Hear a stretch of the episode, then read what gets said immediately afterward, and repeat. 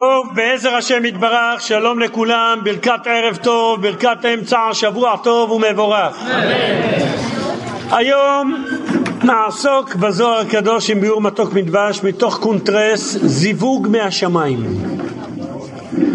שיעור תורני נכבד מאוד, שרובו ככולו בא להורות ולהצביע כי כל זיווג בעולם הוא בהשגחה פרטית מיוחדת. נגד כל שכל, כל דעת, אלא בהשגחה פרטית מיוחדת. אפילו בחירה אין לאדם, לבחור ולבחורה, מה לבחור. מהשמיים מובילים, למרות כל הבחירות והנתונים שאת ואני רוצים, להעמיד את השידוך שבורא עולם רוצה. סוגר לכולם את העיניים לרגע כדי להביא את זה למצב שהוא החליט. כך כל השידוכים שבעולם. הקדוש ברוך הוא משתק ומשבית כל גורם שמסביב כדי להוציא זיווג לפועל כרצונו. לסגור על הזיווג כרצונו, לסגור עליהם את החיים איך שהוא החליט. אחר כך מתעוררים, אבל לפני כן לא שאלו אותך. כל זיווג מונהג בסופר השגחה פרטית, מעל ומעבר מכל עניין אחר. זה השיעור שלפנינו שעוסק בזיווגים, אבל הוא משלב גם הרבה אמונה, הרבה ביטחון והרבה השגחה פרטית ללפני ואחרי, ותכף נסביר. השיעור שלפנינו סביב מאמרי הזוהר הקדוש עם ביאור מתוק מדבש, בקונטרה שלפנינו זיווג מהשמיים. הייחודיות שבשיעור היום, שהוא נבנה כולו בשפה קלילה מאוד, בשפה פשוטה, שכולם יבינו, כן, כולם יבינו, בעזרת השם, שווה לכל נפש, והעיתוי של השיעור גם הוא בא במכוון. א', פרשת השבוע, הפרשה של הזיווגים, אברהם מחתן את מי? את יצחק. זה השידוך הראשון שהתורה מעריכה בו הרבה מאוד, גם אצל השטחן אלי, אליעזר. אתה יודע איזה אליעזר שלחו שם בתור שטחן, אחד חבל על הזמן, עוג מלך הבשן בה. אז סיבה אחת, השיעור מתאים לנו בגלל פרשת שבוע, אבל יש סיבה נוספת. באנו להורות ולהדגיש כי אם כל המצב של עם ישראל כרגע, והשם הטוב ירחם על כולנו. רוב העולם מושבת, אבל חתונות כרגיל רבותיי. לא נעצרים הזיווגים, אדרבה, כל חתונה מקרבת את המשיח. חתונות וזיווגים צריכים להיות כרגיל בסופר רגיל. אין דבר כזה אולם סגור, אין דבר כזה, אין מי שאין איפה להתחתן, יבוא אנחנו נחתן אותו פה, הכל בסדר בעזרת השם. צריכים להמשיך כרגיל, מי שמתחיל לצאת, מי שבאמצע לצאת, לא עוצרים בגלל שיש איזושהי מלחמה או אין, זה לא קשור. תמיד צריך, המצווה הזאת תמיד עומדת. יעזור הקדוש ברוך הוא שנזכה כולנו בקרוב, בעזרת השם יתברך, כל מי שצריך זיווג לעצמו, כל מי שצריך זיווג לילדים שלו, והעיקר שנזכה לראות בחתונה של הקדוש ברוך הוא עם כנסת ישראל בקרוב וברחמים, אמן. נתחיל רבותיי את השיעור לאט לאט, דברים מאוד פשוטים. נלמד מהם שני דברים ומהם בעירה. א', דע לך, סגרו לך את העיניים לפני החתונה. הקדוש ברוך הוא יודע בדיוק מה עשה, הרבה מחשבות היה לך והיה לך מה להשיג בחיים ואיך לקבל, והוא פשוט הראה לך רק את החלקים שהוא רצה שתראה. והראה לה את החלקים שהיא, ובסוף סגר על שניכם. לכן כדאי לך להוריד את הראש מראש וללכת אחריו ולעשות מה שהקדוש ברוך הוא אומר, כי גם אם תתכנן הרבה לא יצא מזה כלום, כפי שתכף נראה. בסוף הוא ייקח אותך לאיפה שהוא יחליט. זה קו ראשון. קו שני, אחרי שכבר אתה נשוי, וכבר אתה עומד במיקומך והעמיד אותך הקדוש ברוך הוא, תחשוב פעמיים אם זה מוצדק בכלל ויש משהו נוגד את התורה, שאתה תיזום להיפרד מזה. כי אם באמת הקדוש ברוך הוא סוגר והוא סגר עליך, אז אם אין משהו שמנגד את התורה, תחשוב פעמיים. עכשיו רבותיי בואו וניכנס פנימה. בעיקר בדור שלנו, אלה שיש הרבה אנשים שממתינים שנים רבות להתחתן. והיחס גדול יותר מכל הדורות הקודמים. הרבה רווקים, הרבה רווקות, מבוגרים, לא מבינים למה כל כך קשה להם. קשה, קשה. עובר עוד שנה. קשה, קשה. הרבה מחשבות רצים בראש, מי ירצה אותי, השטחנית שכחה אותי, לא מקבל כבר הצעות הרבה זמן, אנשים מציעים הצעות ושום דבר לא מתאים, איזה רעיון זה בכלל, אמרו שיש, בסוף נעלמו, כל אחד והסיפור שלו. כותב רבי שמשון פיינקוס, זכר צדיק לברכה, ידוע כי בעיית השידוכים בדורנו, זה הוא כותב לפני שלושים שנה, ידוע כי בעיית השידוכים בדורנו הינה מהבעיות הקשות ביותר. וכמדומה שהסיבה העיקרית היא היעדר השייכות והקשר של הבחור והבחורה עם בורא עולם. אתה יודע למה זה קשה ביותר השידוכים בדור שלנו? אין קשר לחתן ולכלה עם בורא עולם. מעטים הם אלה שחשים שהקדוש ברוך הוא באמת הוא האישיות הקרובה והוא המלווה אותם. אלא מה? אנשים חושבים שהם יוצרים את השידוך והם באים עם הדרישות והם שומעים את הדרישות ולא מבינים שיש מישהו מלמעלה שמכל הגלקסיה כולה עכשיו הפגיש את uh, זה וזאת וזה וההוא וקצת תתחילו להבין שיש מי שמנהל את, העניין, העולם כולו. האדמו"ר מסלונים כותב, ההכנה העיקרית לכל חתן ולכל כלה שרוצים לגש לחתונה זה להגביר את מידת האמונה והביטחון בקדוש ברוך הוא. אתה רוצה להיכנס לפרויקט שנקרא חתונה, הדרך הצעד הראשון הוא אמונה וביטחון, תגביר, תגביר את זה. הכל ממנו יתברך, אף אחד לא אמרה לך לא, אף אחד לא אומר לך כן, אף אחד לא אמר לך עוד פגישה, אף אחד לא אמר לך בלי פגישה, אף אחד, אימא שלה לא אמרה, סבתא שלה לא דיברה, השכנה אמרה, הכסף בא, אף אחד לא מנהל פה כלום. הקדוש ברוך הוא. מטבע העולם ומטבע האדם, שהאדם חרד ודואג לקראת הבאות. גם אם אף אחד לא אומר לך כלום, אנשים נתקפים בחרדה, זה משהו חדש. לא יודעים לקראת מה הם נכנסים ומה מצפה להם. עומדים אה, בתהייה, זה יצליח, זה לא יצליח, זה בוא תשמע, אחרי הכל, כמה נכנסים וכמה יוצאים. לא רואה האדם את אשר לפניו. ולכן אנשים נתקלים בחרדה אם לקבל החלטה להתחתן או לא. לך תדע מה יש בשקית הזאת, לך תדע מה, מה, מה יצא בסוף מפה. אתה מתחייב, אתה לא מתחייב, יקרה, לא יקרה. תשמעו איזה משל הביאו. אדם הולך לסופר וקונה גבינה מהמכולת, קנית פעם? גבינה? גבינה. או שתמיד אתה בשרי, אני שואל. רוב הזמן. אדם הולך לקנות גבינה. עכשיו הגבינה אף פעם לא נמצאת ככה, מוכרים לך את הגבינה איך שהיא. הגבינה באה בתוך קופסה. היא באה בקופסה. אתה לא יודע אם יש בתוך הקופסה גבינה או אין גבינה בפנים, נכון? אתה קונה מה אתה מקבל? קופסה. אתה לוקח חמש אחוז, כמה אחוז אתה לוקח? הוא לא קונה מה שסגור. עכשיו, אז האדם קונה גבינה, הוא בא לוקח שם קופסה גבינה, כתוב שם חמש, תשע, כל אחד מה שהוא. אנחנו מיום שהפסיקו את ה-12% הפסקנו לאכול גבינות. קונה איזה גבינה שהוא רוצה, אבל אתה לא רואה את הגבינה בעיניים. אז למה אתה קונה גבינה ואתה משלם על גבינה? כי אתה מאמין שבעל המפעל הזה הוא לא יעשה צחוק מעצמו ואם כבר שם וכתב את השם שלו על הקופסה והגבינה אז יש בפנים גבינה, נקודה. קדוש ברוך הוא שאומר לך לעשות כך וכך הוא פחות מהקופסת גבינה? שתיתן בו אמון. קדוש ברוך הוא שאמר לך תתחתן ואתה בחור והיא בחורה. אתה לא יודע מה הולך בתוך הקופסה של האישה הזאת. אם יש שם נשיות או שהיא תצא עליך גבר בסוף. לא, או הפוך, האישה לא יודעת בדיוק מה יצא מהגבר הזה. אז לקראת מה? תאמין שמי שאמר לך שיש בפנים גבינה, הוא נאמן עליך.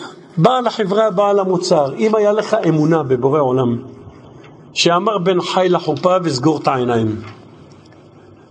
אז תאמין שהוא גם לא, לא בא לדחוק אותך לקיר ולא בא להתעלל בך. תעשה מה שהוא ביקש. ויהיה מה יהיה זה עליו. נכון, לפעמים יש איזו גבינה מקולקלת פה ושם. כנראה שזה בדיוק מה שהיית צריך לקבל גם. ולא היה עוזר לך גם אם היית עושה משהו אחר. כי הקדוש ברוך הוא החליט, גם אם תביא את הטריה, יכול להיות שבדרך היא מתקלקלת. בסוף אתה תקבל את מה שבורא העולם החליט.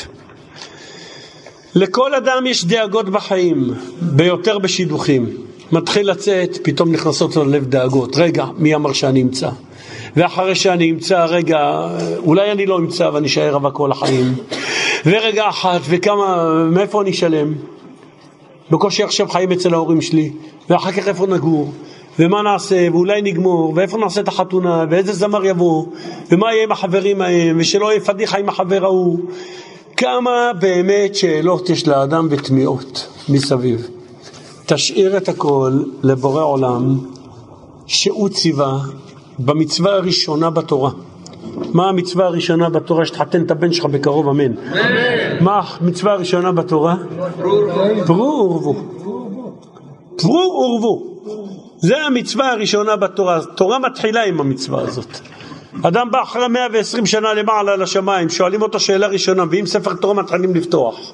קיימת את התורה? אומר להם כן. פותחים את העמוד הראשון, הלו, התחתנת? וואלה, אם הוא נפל בשאלה הראשונה, מה עושים איתו? כל היום איומים, כל היום איומים, חתנת.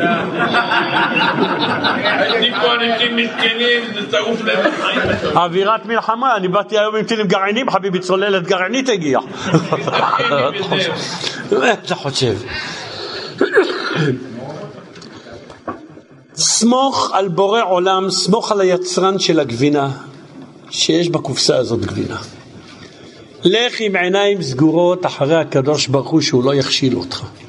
תרצה או לא תרצה, בסוף הוא יעשה מה שהוא החליט ולא אתה. יסגור לך את העיניים ויסגור את זה, חכה, אל תתעקש. תשמעו רבותיי את המשל הבא, ואתה תזכור, אני יכול לשאול אותך את זה בסוף השיעור אחר כך. אם לא תזכור, גם הוא הילד אה, יזכיר לך, מרדכי. רוב האנשים נוטים לסמוך גם על הקדוש ברוך הוא, אבל הם לא שמים את היד לגמרי רק על הקדוש ברוך הוא, אלא גם על הקדוש ברוך הוא. מה הפירוש? הם אוחזים במושכות יחד עם הקדוש ברוך הוא. מספרים על אדם אחד שלמד שחייה. בתחילת הדרך כשהוא למד שחייה, הוא פחד לשחות לבד. אז הוא הלך ולקח אמצעי עזר, שאחרי שהוא גמר את הקורס שחייה שלו, הוא עמד למבחן, קפץ למים הרדודים, התחיל בשחייה למים עמוקים. זה שבוחן אותו מסתכל מרחוק אחרי שהוא באמת, הוא רואה שהוא מגיע למים העמוקים, סוטה מהאמצע והולך לכיוון הגדר. שם יד על המעקה וממשיך לשחות. שם יד על המעקה וממשיך לשחות. צועק לו, חביבי, לא ככה שוחים. שחרר את היד מהמעקה. לא ככה שוחים. אומר לה, אל תדאג, אני יודע לשחות, אבל אני מעדיף להחזיק גם ביד אחת ליתר ביטחון. ככה שוחים? זה נקרא לשחות? רוב האנשים סומכים גם על הקדוש ברוך הוא. גם תופסים במעקה, חושב שהוא מנהל את הזה. אתה יודע לשחות לך לבד. מה אתה, על מי אתה עובד פה שאתה סוחב ותופס לי את המעקה ביד אחת? ככה לא עובדים. תזכור ונזכור ביחד. הקדוש ברוך הוא אוהב את כולנו, כולנו בנים שלו. ואפילו החוטא שבחוטאים. וכל השידוכים שבעולם זה ממנו יתברך. על מה אתה דואג? אבא, יש אדם שאבא שלו הוא הקבלן הגדול ביותר בעולם. האם אותו ילד, כשהוא הולך להתחתן, הוא שואל שאלה איפה אני אגור? למה לא? אבא שלו הקבלן הגדול בעולם, זה בכלל מקום לשאלה אצלו? הקדוש ברוך הוא נקרא מקומו של עולם. המקום ברוך הוא, זה השם שלו. אתה דואג איפה יהיה לך מקום פה, אם תתחתן, ואיפה תגור, ומה תעשה, ומה יהיה, ומה. לוקח אותך עליך. מעשה היה בעשיר מופלג עם בת יחידה, כלילת המעלות. הגיעה הבת הזאת זמנה להתחתן, האבא שלח לאחד מראשי הישיבות, אמר לו, יש לך איזה בחור ככה, כמו שצריך. אמר לו, שבוע הבא יבואו 300 דרומים. יבוא איזה פטיש חזק מהדרום. שבוע אחר הגיע, קרא לי בחור אחד, אמר לו, תשמע, אתה עילוי של הישיבה. זה מיליארדר זה, זה בת יחידה. לך אליו, אולי תהיה חתן שלו. הלך הבחור, שואל לו את אבא של הכלה שאלות, על ימין, מה זה מצא חן בעיניו הבחור? הפתעה של החיים שלו, בוא אצלי שב. הוא בא לצאת, הוא שואל את ה... הוא אומר לו רק שאלה מחילה. אתה יודע איפה אנחנו נגור, בשכירות, אצלך, או איפה אנחנו... הוא אומר לו, עוף מפה. נפל באמונה. עוף מפה, אני לא רוצה לראות אותך פה. גאון הגאונים, הכל טוב ויפה. אני לוקח אותך חתן לבת היחידה שלי, מה, אתה לא מבין שאתה יורש את כל מה שיש לי? אתה בא ושואל אותי איפה נגור? אתה עדיין דואג מאין יבוא עזרי? בורא העולם ברא אותך מתחילה ועד הסוף, נותן לך את התפקוד של כל איבריך, מבקש ממך במצווה הראשונה שבתורה. הראשונה, אחד זה לא הולך, הייתה נשמה אחת שלך ננסרה לשתיים. החצי השני עף באיזה מקום בעולם, שלך איפה עף? עוד מעט נמצא אותו בסוף השיעור, חכה.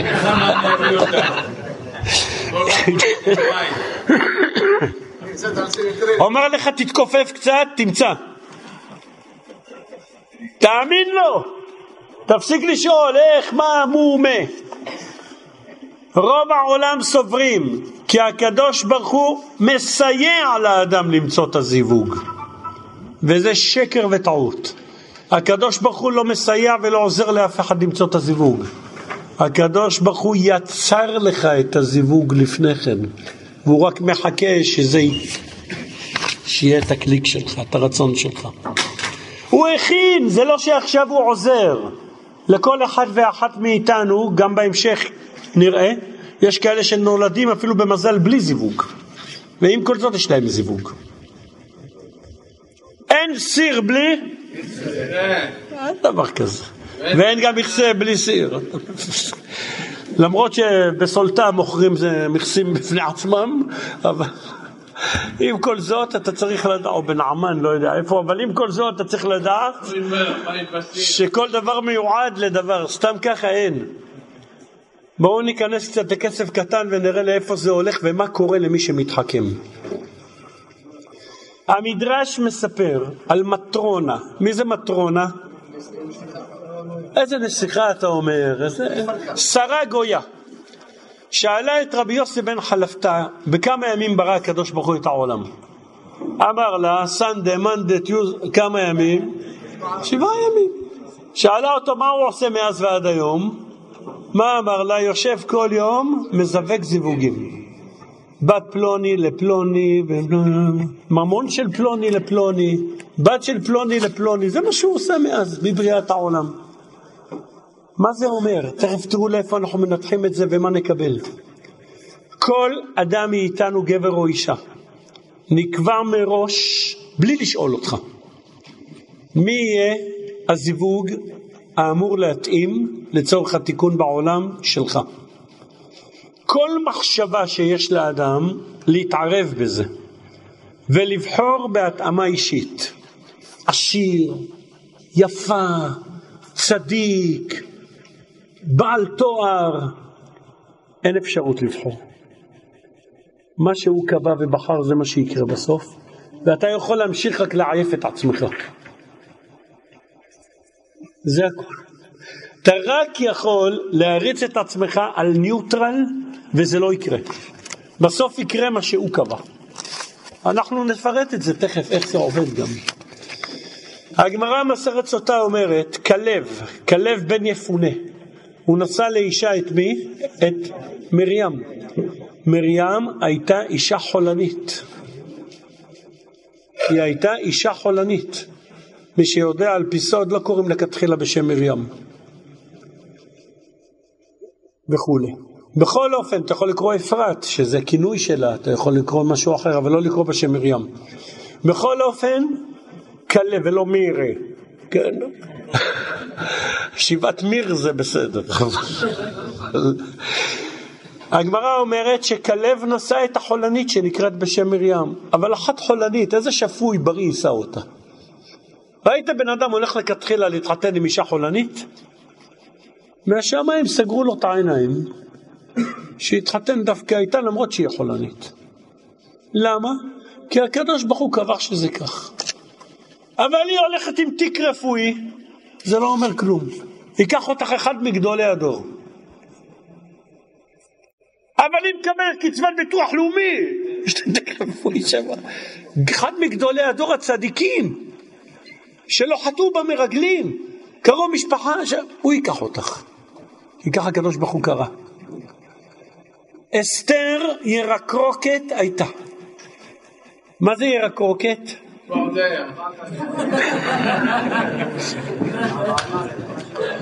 חיוורת על הפנים, משפחת סבזיזיאן, ירוקה. גם בירוקה. הפנים לא היו יפות, אסתר ירקרוקת הייתה. אין לה פרצוף. אומרים חז"ל, ואף על פי כן, מה עושה הקדוש ברוך הוא? נשאה חן. מה קרה? חוט של חסד נמשך עליה. כשבורא העולם מחליט, הכי מכוערת, הכי ירקרוקת, הקדוש ברוך הוא פתאום נותן לה חיוך, נותן לה משיכה. למי? לזה שצריך לקחת אותה. אתה לא יכול להסביר את זה. אנשים עומדים מהצד משתגעים, תגיד לי, איך זה עובד? זה המקצוע של הקדוש ברוך הוא מיום בריאת העולם. איך לסגור פשוט על אנשים, כל אחד מהצד אומר, תשמע, אני לא מבין את התורן הזה עם ה... איך זה עובד? שני הז... הולכים ברחוב, איך זה, איך זה מתחבר, הזוג הזה? הוא מבין, לא אתה. כך כתוב על מטרונה ששאלה, שהקדוש ברוך הוא מזווג זיווגים, כן?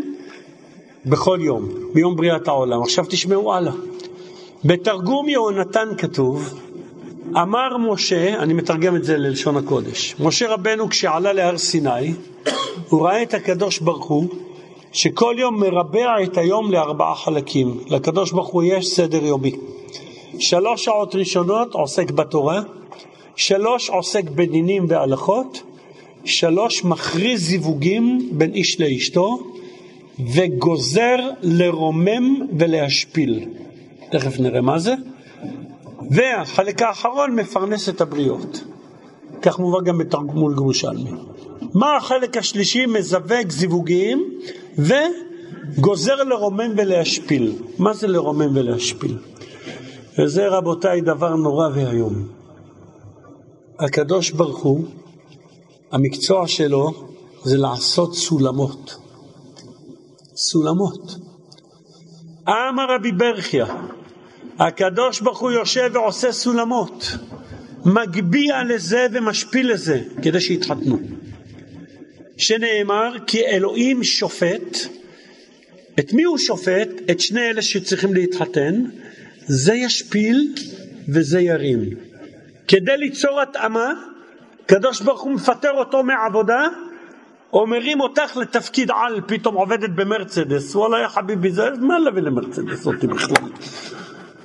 כי הגיע הזמן שמישהו צריך לקחת אותה, ואם לא הייתה במעמד הזה לא היה לוקח אותה. וגם הפוך, קדוש ברוך הוא שם איזה בעיטה למישהו שיחפש השפתות, ואז יתחתן עם אחת ברמה שלו. מה הם הסולמות? אותם המתעקשים, כך כותב העץ יוסף על המדרש. אותם המתעקשים לא להזדווג, אל אשר נגזר להם קודם היצירה.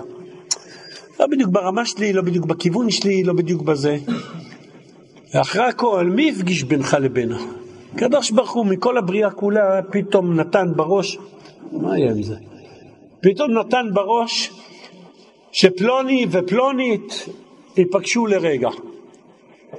הקדוש ברוך הוא אותם המתעקשים לא להזדווג אל אשר נגזר להם קודם היצירה, שמגאון לבבם אינם יכולים להשוות רצונם אל רצון הבורא. מה הקדוש ברוך הוא עושה? משפיל לזה הגאון ומרים לזה השני. ומוריד לזה הגאון ומעשיר לזה השני. עד שזה שהיה מתגאה תחילה, מצפה ומשתוקק למתי יבוא המתרומם להזדווג לו ויקחנו באהבה רבה. כלומר, יש לפעמים אדם, אני בעל תואר שני, אני בעל תואר זה, איפה אני ואיפה היא? איפה זה ואיפה ההוא? מה עושה הקדוש ברוך הוא עם סולמות? או שהוא מרים את הבחורה שגם תעמוד בתואר שלך למרות שהיא לא למדה כלום בחיים, באיזה קומבינה או באיזה דרך מביא אותה למצב פתאום עליון, או שאותך עם כל המקצוע שיש לך שוללים לך את התואר. למרות שעשית פדיחה הכי קטנה, הקדוש ברוך הוא סידר משהו, עלה פתאום מטוראי לרב של טוראי, לסרן, לכל הראשי התיבות האלה שם, פתאום עשה שטות הכי קטנה, ואז לא, עם כל הפלאפלים שלו וזה, מה פתאום הוא יסתכל לפה, או יסתכל לשם? מה עושה הקדוש ברוך הוא? הוא רואה שהוא לא התחתן עם הזיווג שלו ככה. נותן לו לעשות איזה פדיחה ככה כמו שצריך, ואז מורידים לו את הדרגות, כל האוויר יצא, עכשיו הוא מסכים להתחתן עם טוראית כמוהו. זה המציאות. אם היית בעל דעה, בעל שכל, וכמות שאתה, וואלה יא חביבי, זיווג זה משמיים, לא לפי תוארים ולא לפי זה, צריך להתחתן ואין לך משהו אחר, אז זה מה יש ותשתוק. וגמרנו. אז הכל, היית נשאר במעמד שלך, והכל היה בא על מקומו בשלום. אבל כשאתה לא מבין את זה, אין ברירה, הקדוש ברוך הוא עושה סולמות. מאיפה לומדים את זה?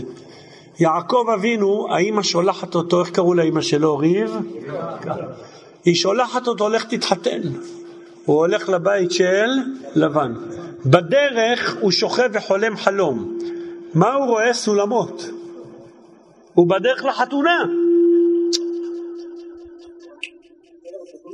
הוא בדרך לחתונה. והנה, אני מקווה שהוא חזר בתשובה, הוא בדרך לחתונה. והנה מלאכי אלוקים עולים ויורדים בו. למה עולים ויורדים המלאכים? סולמות. את מי לעלות למעלה ואת מי להוריד למטה. כדי שיסכימו אל השידוך, וכך כותב בספר חסידים. אם ראית רשע עשיר שמתחתנים בו אנשים גדולים, איך רשע יקבל עושר? רשע, ומתחתנים בו אנשים גדולים. כי העושר לא בא לו, אלא שידע הקדוש ברוך הוא, אם לא יהיה לו עושר, לא יתחתנו בו. והגיע הזמן של זיווג, ואם לא יהיה לו עושר, לא יתחתנו עם רשע כזה. לכן הקדים ונותן לו הקדוש ברוך הוא עושר, לא בגלל הזכות שלו, הוא רשע, אלא כי יש זיווג צריך לצאת מהמשפחה הזאת. לכן הקדוש ברוך הוא למרות הרשעות שלו נותן לו עושר כדי שהצד השני יתחתן איתו. ורוב מתעשרים בני דלים ומתגברים כדי שיתחתנו בהם בני הגדולים. שאם יהיו עניים לא יהיו מתחתנים בהם. כך כותב בספר חסידים. מכל זה רבותיי אנחנו למדים, זה לא תלוי בבחירה שלך. לא שלך ולא שלה, אלא הקדוש ברוך הוא מביא את הזיווג לאיפה שהוא, ומי שיתחכם, הקדוש ברוך הוא יסדר סולמות. שוב ובנוסף כותב בספר חסידים, מי עושה את זה? מי ממונה להעלות אותך או להוריד אותה, או הפוך? זה ספר תולדות אדם. מנה הקדוש ברוך הוא את כל התולדות הכתובים, מי ייקח את מי. ובת של מי תבוא עם מי. פעמים יש בעיר שיש בה אישה יפה ביותר, ותהיה בעיר אחרת אישה שאינה יפה. בדרך כלל אז את מי תיקח? את היפה שבעיר. ונגזרה גזרה שאדם ייקח את המכוערת שמחוץ לעיר. נמשך לב האדם אחר המכוערת מחוץ לעיר. איך בעיר שלך, בשכונה שלך, יש לך את היפהפייה. מה אתה הולך ולוקח את ההיא מחוץ לעיר שהיא מכוערת? הקדוש ברוך הוא מצווה למלאכים להרחיק את החן מפה ולשים את החן שם. ולכן בניגוד לאימא שלך, לאבא שלך, למשפחה שלך, לטבע, להיגיון, לשכל, ולמרות שאתה גרפיקאי וגם צלם, ויודע בדיוק דוקנאות ופרצופים, אתה תלך למכוערת. ולא תלך לזה. אבל איך השכל שלך יסתובב? זה העבודה של בורא עולם על ידי המלאכים, כי זה הזיווג. ולכן רבותיי, כל איש ואישה בסופו של דבר יגיעו אל הזיווג לפי מה שהוא קבע, ולא לפי השכל שלך ולא מה שאתה מבין. פעמים בשביל ממון, פעמים בשביל חן ופעמים בשביל מום. אתה לא תיקח אחת שהיא בעלת מום כזאת. אין ברירה, רק לעשות לך גם כן איזה מום. אם היית מבין להוריד את הראש ומה אני ומה חיי ועד גיל 23 לא מצאתי אף אחת. וזה לא הלך. ועכשיו זאת שמציעים לי, יש לה חמישה אצבעות, ואצבע אחת נסגר עליה דלת כשהיא הייתה בת שנתיים, והפסיקה להתפתח. ולכן היא נשארה אצבע נורמלית והכל בסדר והיא עושה הכל, רק שהאצבע הזאת אומרים אותה, איך קוראים בפרסי? קוצ'יקי, נכון? האצבע הזאת היא לא כמו כולם גדולה, היא קוצ'יקי, האצבע הזאת. ואתה אין לך משהו אחר. ואתה בן 23 ואתה תרים את הראש, אז חכה לדלת גם כן תסדר לך אצבע.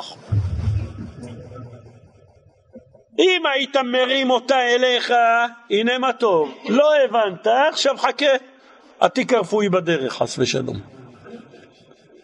בסופו של דבר, הקדוש ברוך הוא יביא את הזיווג לאיפה שהוא מבין. הוא עושה את הסולמות, הוא לא שואל אותך. השאלה האם תתייחס לזה באמונה והשגחה, או שפשוט תרעה דעה. החן בסופו של דבר, למה היא מוצאת חן בעיניך והיא לא? מאיפה זה בא? מת הבורא, ולא אף אחד אחר. עכשיו, כשאנחנו מבינים שזה כך, תבינו עכשיו מה אמרו צדיקים.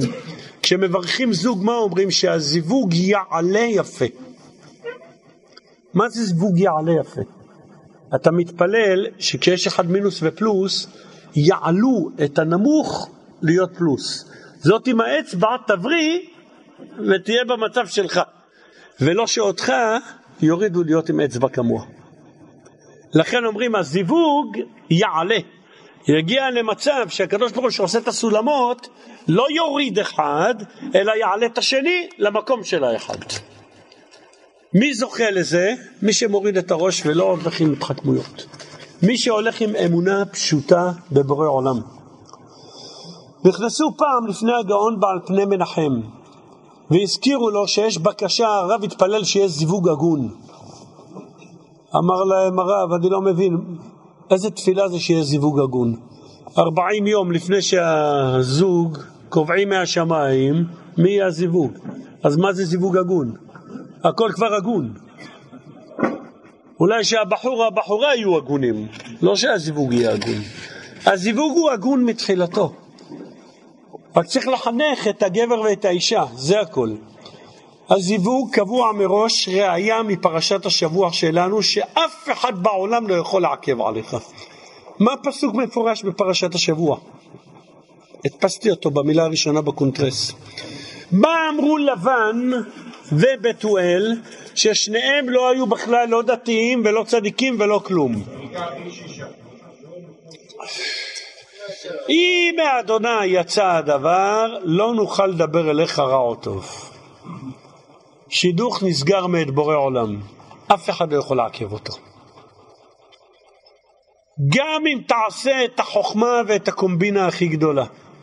לא נוכל לדבר אליך, כותב רבנו הרשב"ם, הנכד של רש"י. לא הסתירה ולא הבניין בשידוך תלוי ברצון האדם. על כורחנו יהיה הדבר, בין אם אנו רוצים בין אם לא רוצים.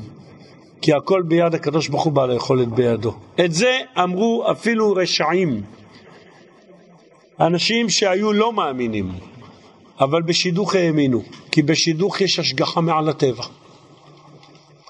לבן הבין שאם הוא יבחר לסרב, זה לא יעבוד לו. בתואל ניסה לסרב, ושם סם המוות שם בשולחן, מה קרה? עזר לו? מי שלמד פרשת שבוע לא עזר לו. לא עזר לו, המלאך הפך את הקערה ומי שניסה לעכב את השידוך מת. אם הקדוש ברוך הוא קבע שראובן תחתן עם, אז זה מה שיקרה. ומי שינסה לעמוד בדרך, הקדוש ברוך הוא יוריד אותו. זו המציאות, זה פרשת שבוע. בגן לומדים את זה. בתואל ניסה לעכב שידוך, שם סם המוות. בא מלאך, הפך את הצלחות, שם לו את הסם המוות. אתה לא תעכב פה שידוך. למה? כי הקדוש ברוך הוא כשקבע, זה הכל. וכל אדם ואדם מאיתנו צריך להיות נחוש בדעתו. בין לפני שהוא מתחתן, בין אחרי שכבר נוצרה חתונה. אני לא הייתי צד פה. בורא העולם סגר וסוגר עליי עם הכל ביטחוני ובו, אף שכנה, אף אדם, לא חבר קלקל ולא ההוא עשה ולא שום דבר אחר. הפסוק אומר בית ואון נחלת עוון ומהשם אישה משכלת. חז"ל אומרים לנו אפילו אם אתה תרצה בחורה משכלת והקדוש ברוך הוא גזר שאתה מתחתן עם אחת לא משכלת יסבב הקדוש ברוך הוא שאתה תסכים לאחת לא משכלת. כך כותב רבי חיים ויטל.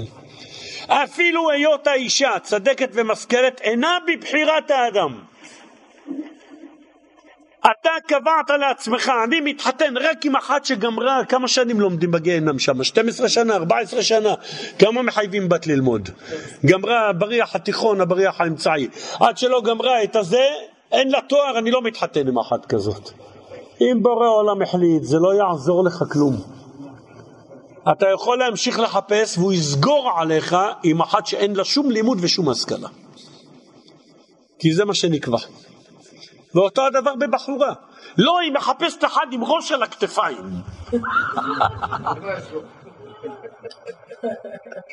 מה את מחפשת אחד עם הראש בתוך הכנפיים? מה את מחפשת? אחד עם ראש על... בסדר, אם את בת 18, בת חי, ויש לך 12 הצעות, חפשי אחד עם הראש על הכתפיים. אבל אם עברת את החי ועברת את ה-20 ועברת כבר את ה-22, גם דגמט שימי אותו בקברים. אולי תחיי אותו. זה מה יש. משכלת לא משכלת. אדוני החביבי, לא מתחתנים עם משכלת. לא מתחתנים עם מקצוע. אתה תעשה... אתה תעשה את מה שאתה יכול. הקדוש ברוך הוא יכניס לך בראש להתחתן עם מפגרת, כי זה מה שנכתב עליך. ואותו הדבר לבחורה. הקדוש ברוך הוא אומר לאליהו הנביא, קום לך צרפתה, אשר לצידון, וישבת שם, הנה ציוויתי שם אישה אלמנה לכלכלך. שואלים המפרשים, תגיד לי, שואל החפץ חיים, הנה ציוויתי שם אישה לכלכל, מתי הקדוש ברוך הוא דיבר עם אותה אישה? הקדוש ברוך הוא אומר לאליהו הנביא, לך לשם, ציוויתי איזה אישה שתכלכל אותך. מתי דיבר הקדוש ברוך הוא עם אותה אישה? אה? יש רק אישה אחת בעולם שהקדוש ברוך הוא דיבר איתה. שרה ל. היום הייתי איתה. יפה. אם כן, אם בחברון הוא היה בקריית ארבע, היה שם סעודה חבלז, כי פרשת השבוע כתוב ביום יגמל את יצחק עשו משתה גדול.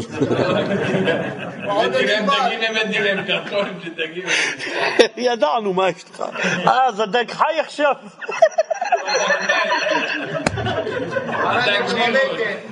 אתה רואה אופיר, החיינו אותו. אם כן, הקדוש ברוך הוא אומר לאליהו הנביא, אני ציוויתי אישה אלמנה לכלכלך. מתי דיבר הקדוש ברוך הוא עם אותה אישה? תשמעו מה אומר חפץ חיים, הקדוש ברוך הוא לא דיבר איתה. הוא הכניס לה בראש. יעבור מכאן בן אדם, תערכי אותו. הקדוש ברוך הוא לא צריך לדבר עם הבחורה שהיא תסכים לך. הקדוש ברוך הוא מכניס לה בראש. הקדוש ברוך הוא לא צריך לדבר עם החתן שהקדוש ברוך הוא מכניס לו בראש. מכניס לאימא שלו בראש. מכניס, כן, כן, יאללה, תגמרו עם זה. זה ציוויתי, הקדוש ברוך הוא מכניס צו בין האנשים שמסביב לסגור את הפרשה הזאת. כי הקדוש ברוך הוא החליט שזה מה שיהיה. גם במקרה הפוך. פתאום היה פיצוץ, היה זה, היא לא הסכימה, הוא לא הסכים. זה לא שהם לא הסכימו, שידוך זה משמיים. הקדוש ברוך הוא הכניס להם בראש כי זה לא השידוך. כי זה לא שלך.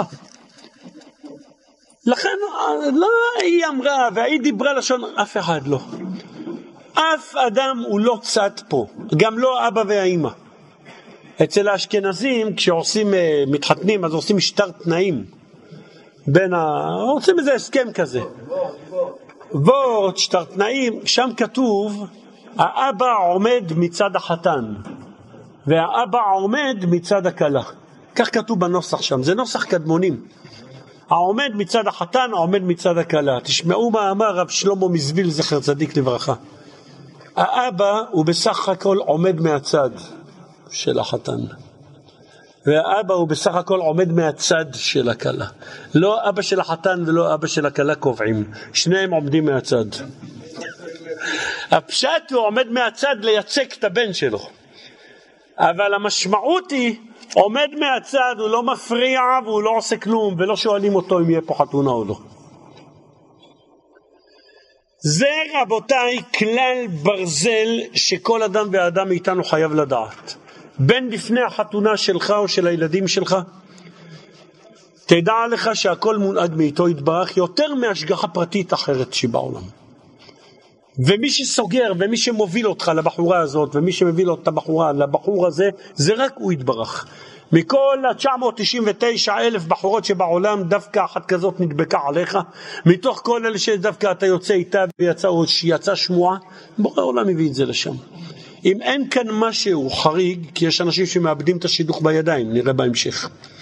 אם אין כאן משהו חריג שהתורה כמו אחת שמחללת שבת ולא מוכנה לשמור שבת אז זה כבר לא שידוך מהשמיים. אבל אם אין משהו כזה, תדע לך שבורא עולם סוגר את זה עליך. דיר באלק לנסות להתחמק, כי אז הוא יסדר סולמות. ואחר כך תחכה איך הוא יביא לך את זה בפינה השנייה. ולא כדאי לך לחשוב פעמיים. לך על זה, זה אחד. שניים, כבר התחתנת, ואין משהו שנוגד את ההלכה. כי אם היא לא הולכת למקווה, או יש משהו שנוגד את ההלכה, זה משהו אחר. אבל לא נוגע את ההלכה. עם כל מה שקיים, תחשוב פעמיים אם לצאת מזה. מכיוון שמי סגר עליכם? אתה רוצה עכשיו שיעשה סולמות אחרות? אז בוא תשאיר, לא את זה מה שהוא עשה. אני רבותיי אציג סיפור 2-3 ומשם בערה קדימה. אני לא ממהר מה שאני אספיק ללמד פה, אני אלמד מה שלא, אני אסדר את זה בעזרת השם יתברך. הסיפור ידוע, על סולטן ישמעאלי אחד מאיר אינסטנבלון, מה שאני רוצה לספר כרגע זה קצת סיפורים על אלה שחשבו להתחכם. ואיך הקדוש ברוך הוא בפינה סידר להם איך שהוא רוצה. תשכנע אותנו, מה? חבל הזמן, אתה יוצא מפה, נכנס לאחת, אתה תצא שלוש בסוף. אישה וילד, חכה. הילד כבר לידך. תבוא לך אחת בלי רגל, זה ביטוח לאומי 10,000 שקל. בלי עזון זה חמש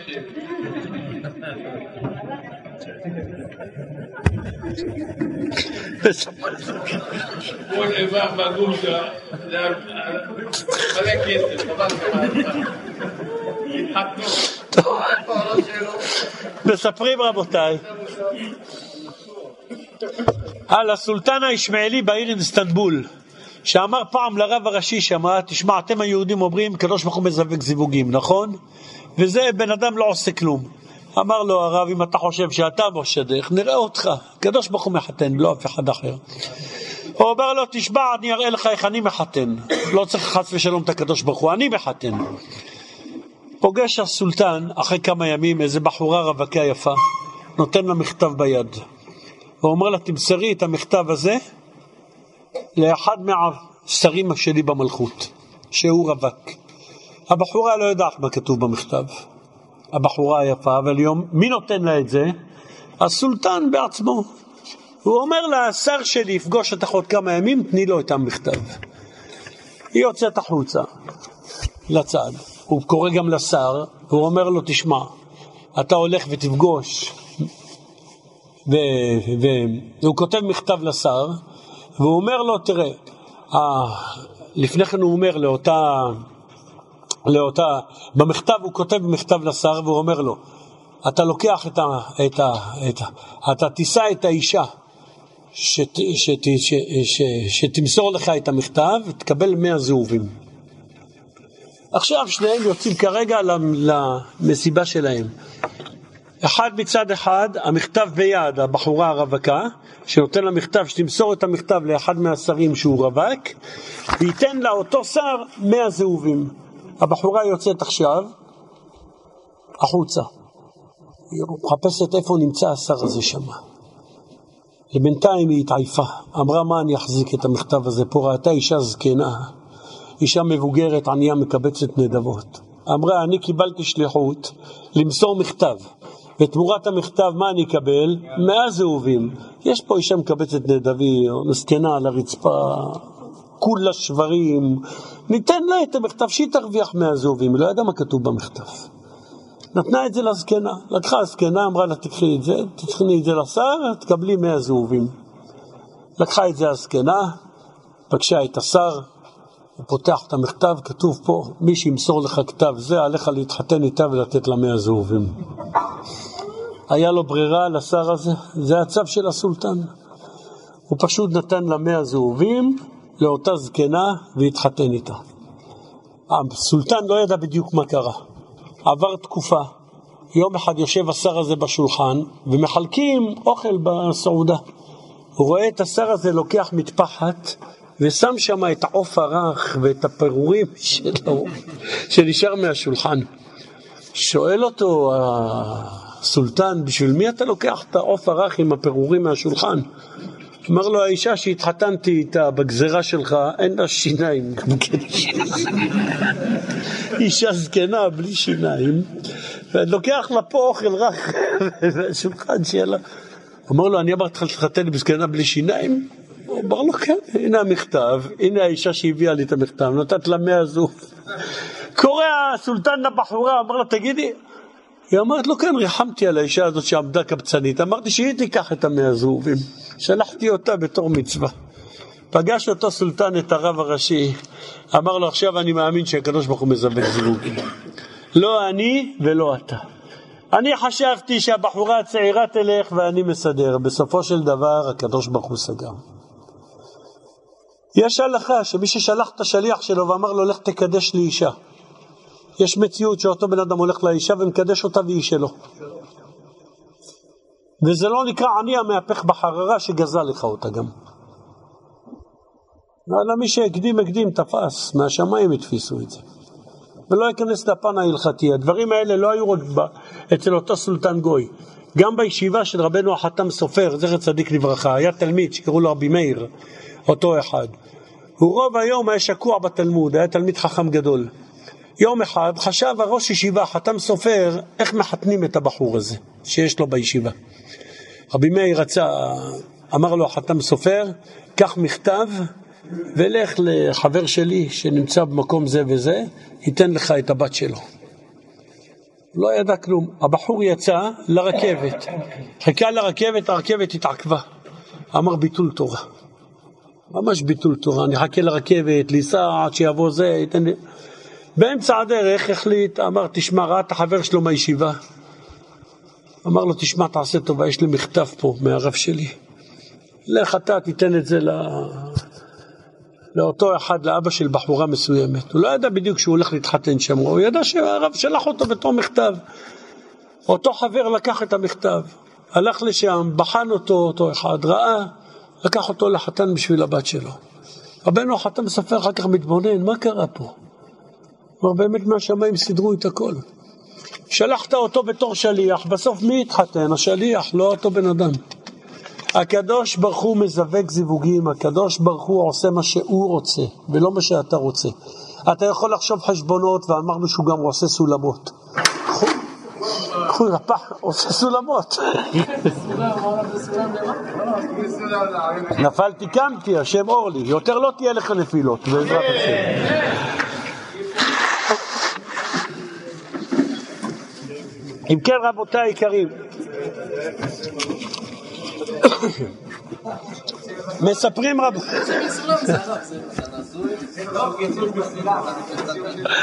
אחרי שהם מתחתנים הופכים להיות יותר קלים.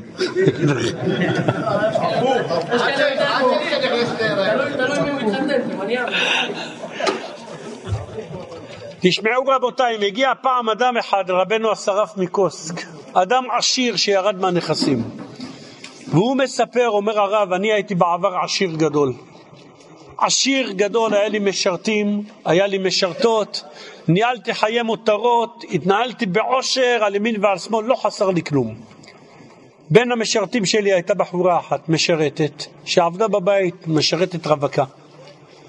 ושנים, במשך הזמן היא חסכה כסף, אותה משרתת רווקה, ופעם היא באה אליי בבקשה, ואמרה לי, תקנה לי איזה פיס קבוע, איזה, איזה כרטיס הגרלה קבוע, בכסף הזה שאני, שהוא לטווח ארוך של שנים.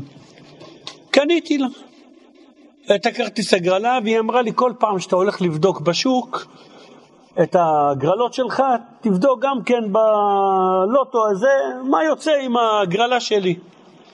קניתי לאותה בחורה שהייתה משרתת כרטיס הגרלה, נתתי לה את הכרטיס ואת המספרים אני ידעתי. כל פעם שהייתי הולך לבדוק לעצמי, הייתי בודק גם לה. עבר שנה, שנתיים, ארבע. עם הזמן, רחמנא ליצלן, גלגל חוזר בעולם. אני נסקתי ממה שהייתי, פיטרתי את המשרתים, את המשרתות, כל אחד הלך לדרכו ואני מסתובב ממקום למקום. גם אשתי נפטרה, אוי ואבוי מה קרה. יום אחד עברתי ליד המקום הזה של הדוכן של הפיס של המקומות האלה, בדקתי את המספרים וראיתי שהכרטיס של המשרתת הזאתי זכה בהגרלה.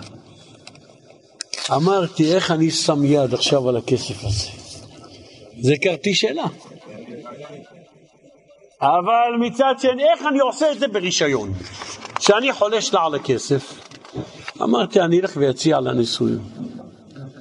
הלכתי, פגשתי את אותה בחורה משרתת, אמרתי לה, את יודעת, אשתי נפטרה, את יודעת, אני לא בדיוק במצב שלי, מה דעתך? תתחתני איתי. אמרה לי, כבוד רב יהיה לי. כבוד רב, הייתי משרתת תחת ידך, ועכשיו אתה גם אלמן וגם זה, התחתן איתך, למה לא? התחתנו. אחרי שהתחתנו וסגרנו הכל, באתי ואמרתי לה, בדקתי את הכרטיס של ההגרלה, ואת לקחת את. זכי! זכי, נו! זכי, נו! זכי. אני רואה אותה בוכה. אני אומר לה, למה את בוכה? היא אומרת לי, כי אבא שלי לפני שנה מכר את הכרטיס.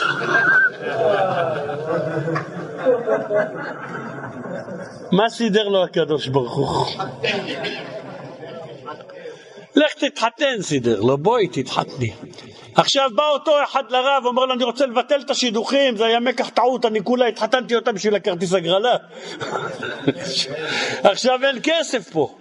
תשמעו מה אמר לו הרב. הקדוש ברוך הוא הצליח לעבוד עליך, לסדר אותך ולהביא אותך לאיפה שהוא רצה. אתה רוצה לעשות תחבולות עכשיו כנגד מה שהקדוש ברוך הוא עשה? יבוא אליך מהפינה השנייה, חבל לך. כל מה שהוריד אותך וסידר, וכל מה שסידר את הכרטיס הגרלה, זה רק בשביל לסוף לסגור עליך, ולא יותר מזה. היה אומר רבנו הפני מנחם מגור, דע לך, כשמגיע הזמן שצריך לגמור שידוך ולסגור משהו, הקדוש ברוך הוא מוליך את ההורים ואת כל המשפחה עיוורים. אחר כך מגלים איפה יש את הדפקט ובדיוק מי הבחור ומה הבחורה ומה זה. לפני כן הכל דומה לך כליל הוורד, מה זה, הכל ורוד, הכל יפה. אחר כך פתאום הקדוש ברוך הוא, היה אדם אחד פעם, בא לפני רבנו הפני מנחם, אמר לו, לקחתי חתן לבת, כולם אמרו לי זה גאון כמו רבי עקיבא איגר. החתן הזה גאון עולם. לקחתי אותו, מה לא עשיתי לו? בניתי לו בית. אחרי החתונה אני רואה איזה תלמיד, איזה חכם, איזה גאון. השם ירחם. מי לקחתי? מקח טעות. הרב זה מקח טעות.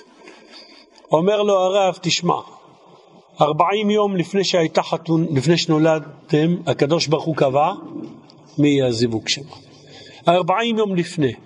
ותדע לך שכשמגיע זמן החתונה, הקדוש ברוך הוא לוקח את השכל של החתן ולוקח את השכל של הכלה להקפאה. ואף אחד לא רואה את האמת על השני בעיניים. עם כל החפירות שיש לך ושיש לה, אתה רואה רק את הצד הטוב. לקחו לך, אפילו אם אחרים מדברים זה לא נתפס אצלך, לא נקלט.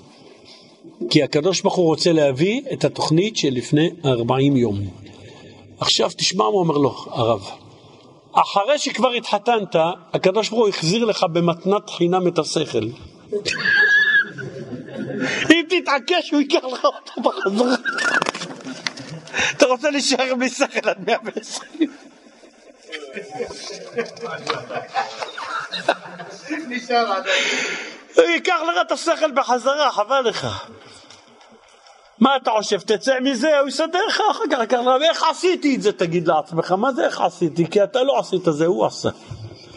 כי זה העבודה שלו. אפילו הוא יהיה גאון ישראל, אב בית דין מספר אחד. הקדוש ברוך הוא יסובב אותו בשביל לחתן אותו. יסובב אותו. היה ערב מבריסק, הבית הלוי חיפש הדוד שלו שידוך בשבילו, רבנו הבית הלוי. וכל אחד חשב, רבנו הבית הלוי, יתאים, לא יתאים, כן יתאים. היה אדם אחד שבא ישירות לחתן, אל הבית הלוי, לא לסבא שלו, לא לאבא שלו ולא לכלום, שהיו מסננים. אלא בא ישר אל החתן, אותו אחד, הוא היה טוחן במאפייה. ואמר לו, תשמע, יש בחורה, בשבילך, אני אומר לך, יהיה לך יראת שמיים, יהיה לך הכל. אמר לו, בסדר, אבל צריך לראות את הבחורה לפני כן. אמר לו, אין בעיה. עכשיו, כל פעם שבאו לסבא או לאבא, הם אמרו, לא מתאים למשפחה, לא מתאים לזה וכולי. מה עשה אותו טוחן במאפייה? בא ישר לחתן. אמר לו, אני יש לי שידוך בשבילך, חבל על הזמן. אמר לו, בסדר, אין בעיה. רק צריך לראות את הכלה. אמר לו, אין, תשמע, אתה עובר ברחוב מהישיבה, היא גרה במקום הזה, היא תעמוד ליד החלון, אתה תראה אותה. אמר לו, בסדר. אותה בחורה הייתה נמוכה, וגם כן עם גיבנת קצת. מה עשה אותו טוחן? תשמע, נתן לה לעמוד על כיסא קטן ליד החלון מבפנים בבית, ושם לה קערה של קמח כאילו מתכופפת ולשה. עכשיו לא רואים את הגיבנת, למה? כי היא מתכופפת ללוש את הקמח, ושם אותה בתוך הבית על כיסא קטן, לא רואים שהיא עומדת על כיסא קטן.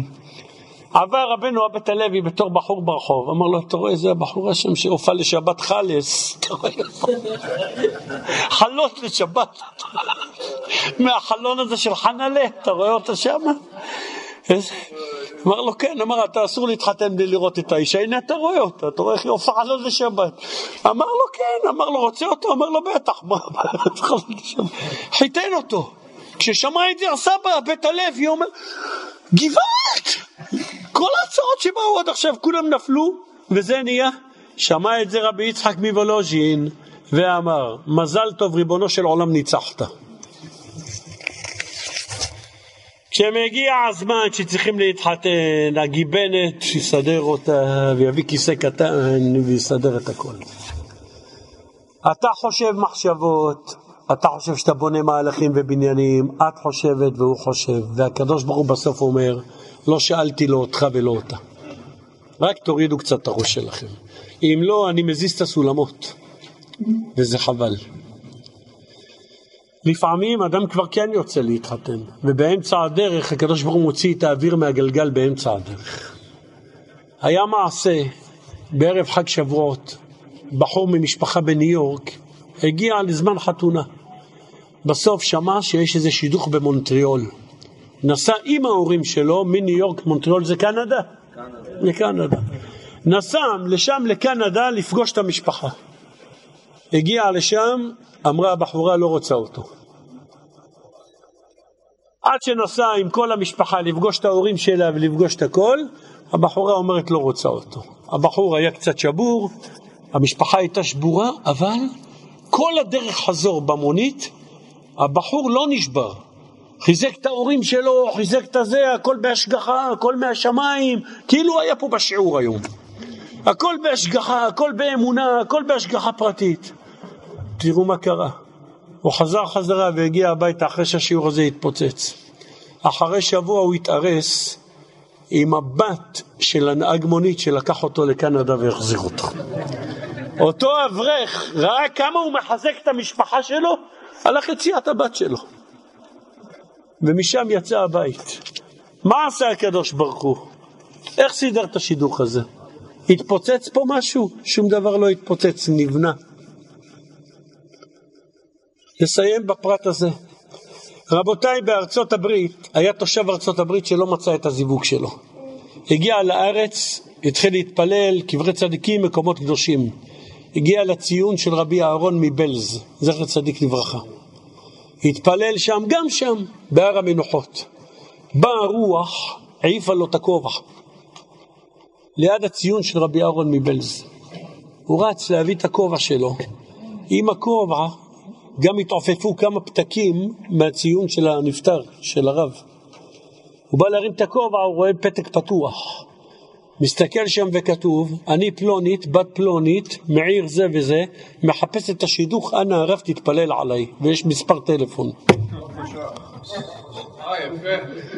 אז תלכו למתים. אתה כל יום שם. רבותיי, הוא הרים טלפון, ומשם יצא הבית. הקדוש ברוך הוא הביא אותו מארצות הברית לפה להתפלל בקברי צדיקים והעיף לו את הכובע. והכובע על מי נפל על ראש הגנב? על מי נפל הכובע בסוף? על מי זאת שצריכה להתחתן איתו? נסתרות דרכי השם, אבל תדע לך בשידוך, זה יד עין בעין של הקדוש ברוך הוא. בואו נקרא קטע זוהר. תחזה בואו ראה. תנינן, למדנו רבי שמעון בן יוחאי אומר, מהי טעמה כתיב באורייתא? מה הטעם שכתוב בתורה?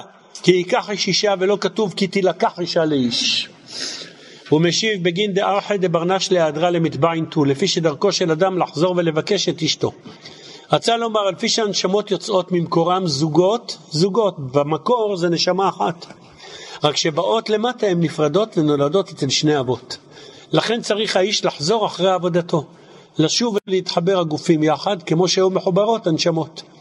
מטה לברנש דהתאביד לעבדתה, משל לאדם שנאבד לו אבדה, מרא דאבדתה מחזר למטבע אבדתה דילה. בעל האבדה מחזר לבקש את מה? את האבדה שלו. ואמר, אבל מי סוגר עליהם? קוצ'ה בריחו. אי הוא יאיב איתתה לברנש ומיני יתיין זיווגין. הרי תראה שהקדוש ברוך הוא הנותן אישה לאיש וממנו באים הזיווגים. ועל דה ועל כן כתוב ומאדוני אישה משכלת. כי בזה האיש מושגח יותר משאר הדברים שיזכה לאישה משכלת. כלומר, השגחת הקדוש ברוך הוא היא על כל הבריאה, אבל בשידוכים יש עין יותר גדולה מכל דבר. עכשיו רבותיי נתקדם לצעד הבא, והוא, יש כאלה שלא מוצאים, ועבר כבר 18 ו-20 ו-22 ו-24 וזיבק צוונציק 26, שם הוויה גם כן עפה. חביבי זה מתעכב. נקשיב טוב. אברהם אבינו בן כמה התחתן? בן 27. התחתן עם שרה. יצחק בן כמה התחתן? מפורש בפסוק, בן 40. לקח את רבקה. יעקב בן כמה התחתן? 84. טוב, מה זה עוד? יעקב אבינו זה אחד התותחים. אה? גם בדורות האחרונים, רבנו עטורי זהב התחתן עם בת 29, הרב שך התחתן עם בת 25, הרב דסלר התחתן עם בת 29, רבנו המהר"ל התחתן בגיל 31, החתם סופר התחתן בגיל 33, הרב הוטנר התחתן בגיל 27, הרב אפשטיין התחתן בגיל 26, המקובל הרב כדורי זצ"ל התחתן בגיל 37, פעם ראשונה. יצחק אבינו בן 40 אמרנו ויעקב 84. רגע, אבל כתוב בפרקי האבות בן חי לחופה. מה הולך פה? לאט לאט נסביר. קודם כל מה שכתוב זה מה שצריך לעשות. אבל אם עשית את מה שבאמת עשית, ולא היית משוגע, ולא חיפשת תוארים, ולא פסלת, ולא שללת, ועם כל זאת מצאת את עצמך, בום. אתה לא אמרת את הלא, אתה לא בדחית, הלכת כדרכה של תורה. לא חיפשת שיורידו אותך, לא עשית סולם, לא עשית כלום. ועם כל זאת זה לא זז. המדרש אומר, יש, ויש פה כמה אנשים שיושבים פה שיפתחו את האוזניים טוב, יש שהוא הולך אצל זיווגו, ויש שזיווגו בא אצלו. יצחק, זיווגו בא אצלו. הוא יושב במקום שלו, פתאום רואה בחורה באה לקראתו. השטחן בא אליו. יצחק זיווגו בא אצלו. וירא והנה גמלים באים, אבל יעקב הלך אצל זיווגו. כלומר, יעקב היה צריך ללכת לבית לבן, לעבוד שם 14 שנה עד שקיבל. ואילו אבא שלו יצחק יושב במקום שלו, והנה הזיווג בא אצלו. תקשיבו, תקשיבו, תקשיבו טוב, מה אמרו המפרשים. מעבר לפשט יש כאן דבר נוסף. ישו הולך אצל זיווגו. הזיווג שלך ברמה יותר רוחנית ממך. אתה טיפש, מסכן ולא יודע לנהל בית. יש שהוא הולך אצל זיווגו. הקדוש ברוך הוא יודע שאם אתה תתחתן עכשיו, אתה מטומטם ובליל טבילה תזרוק את אשתך. ואחרי שבועיים גם כן, עם שתי תינוקות תשאיר אותה בבית ותלך לקנות משאית. במקום ללכת כרגע ולטפל בבית שלך מה שאתה צריך לטפל. ועוד תרים שרירים לי בשיעור. יש שהוא הולך אצל זיווגו. יש לך עוד להתקדם הרבה לקראת הבחורה הזאת. איפה אתה ואיפה היא בכלל? הקדוש ברוך הוא עושה חסד ולא חיתן אותך בגיל 18. והקדוש ברוך הוא עשה חסד ולא חיתן אותך בגיל 20. ועשה חסד ולא חיתן אותך בגיל 22 גם. כי אתה עדיין לא היית בשל. לטובתך הקדוש ברוך הוא השאיר אותך, כדי קצת לטגן אותך על ימין ועל שמאל בצורה נכונה, שתתחיל ללמוד את החיים. נבין טוב, אדם מצד עצמו צריך לעשות את ההשתדלות, את כל מה ש... אבל אם ראית שעשית את כל מה שעשית, ואם כל זאת זה פקוק, אל תבכה לי, אלא מבשלים אותך. יש שהוא הולך לקראת זיווגו. אתה יודע מה זה אישה עם שתי תינוקות בבית, ואתה הולך כל היום ומדוור על ימין ועל שמאל, ואחר כך בא עם הוראות למה לא ניקט פה, ולמה לא סידרת פה, ולמה לא ההוא שם? אתה לא בשל, אתה קודקוד רקוב. יש הקדוש ברוך הוא השאיר את אותו אחד בכוונה, כדי שלא תהרוס את החיים של אשתך ואת הילדים שלך. לכן נתן לך להמתין עוד קצת וסחב אותך עוד במושכות. יש שהוא הולך, אתה הולך ומתקדם עם הזמן לקראת זיווגך. הולך ומתקדם עם הזמן לשם. ויש שזיווגו בא אצלו, אתה מוש, מושלם. הזיווג צריך להשתלם כדי לבוא אליך. יש הולך אצל זיווגו, הוא צריך להתקדם ולהוסיף מעלות כדי שיהיה ראוי לזיווגו. התחתן ועדיין הוא הולך לחברים שלו בערב במקום לשבת עם אשתו בבית. איפה נקי יהיה לביתו שנה? איפה לתת יד אחרי שכבר התחתנת? היה יותר טוב אולי שלא תתחתן בכלל. לכן הקדוש ברוך הוא תקע אותך בחיים. תגיד לבורא עולם תודה רבה. אני לא בא לצאת מהמחויבות שצריך להתחתן ולך תתחתן, אבל לא נותנים לבול עץ פשוט ללכת ולהרוס את חיים של אנשים. אתה עדיין נרקוטי, מטומטם, מסומם. מה אתה רוצה, להרוס חיים של עוד בחורה וילדים?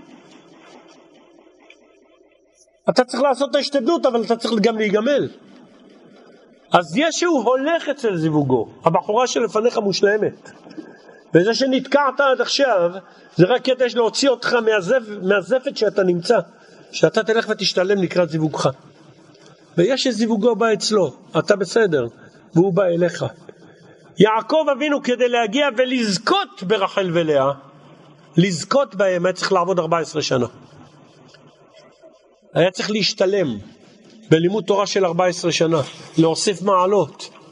אבל יצחק היה עולה תמימה, ולכן זיווגו בא אליו, למקום שלו. ולכן, לפעמים שידוך מתעכב אצל בחור ובחורה. מסכנה אם תתחתני כרגע. תהרסי לגבר את החיים, תהרסי לילדים שלך את החיים. וגם אתה.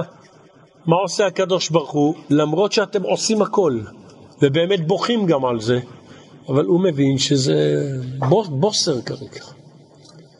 ואם זה יקרה כרגע זה אוי ואבוי מה שיהיה. אתה מחויב לעשות הכל, אבל אוי ואבוי אם עשית וזה, הכל בהשגחה. יעקב אבינו הגיע לגיל 84 לא בגלל שהוא רצה להיות בגיל 84, הוא מגיל 18 התפלל החלטה. בדורו של יעקב אבינו היו נישאים בגיל 7 ומביאים ילדים בגיל 8. זה דורו של יעקב, זה גמרא מסכת סנהדרין דף סט. דורו של יעקב ואדם מתחתן בגיל שבע ויש בייבי כבר בגיל שמונה ויעקב סוחב שמונים וארבע שנה יעקב סוחב שמונה, כל השנים האלה תפילות מתי אני את הזיווג שלי? אומר לו הקדוש ברוך הוא אתה צריך עוד להתקדם אתה צריך עוד להתקדם אתה צריך להשתלם והוא לא חוטא ומשתלם ומתייסר ומתפלל בסוף הוא מביא מזה בית של 12 שבטים, אין פסול באף אחד מהם. כי דבר שבא בהשקעה ובא בהבנה, ואתה יודע לקראת מה אתה הולך, ולא סתם מתחתנים ויאללה כמו איזה בהמה ובהמה, רחמנא ליצלן, אז אתה יודע איך לקבל את זה. ולכן, אף אחד מאיתנו לא יודע את חשבונות שמיים. אל תישבר, אל תישברי.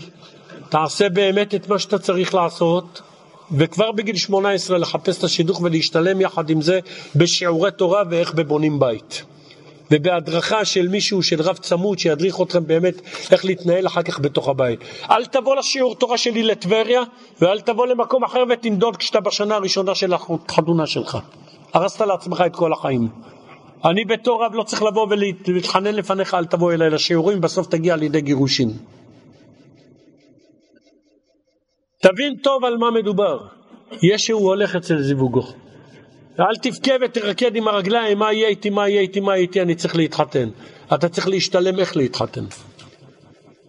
לכן, המסקנה היא, כל אחד ואחד צריך להתחתן בזמן שהתורה אמרה בן 18. אבל אם עשית את כל מה שביכולתך לעשות, ועם כל זאת, מצאת את עצמך בת 20, מצאת את עצמך בת 26, מצאת את עצמך בת 30. הקדוש ברוך הוא מחפש שעדיין תשתלם, תשתלמי ותמשיכו לחפש. ותעשו, בלי לחץ, בלי עצבים ובלי להשתגע. וגם אם היה מה שהיה ונשבר באמצע, הקדוש ברוך הוא הביא את זה למה שהיה, הקדוש ברוך הוא שבר והקדוש ברוך הוא בונה את זה מחדש. והכל למען השלמות והתובנות של הדבר החדש.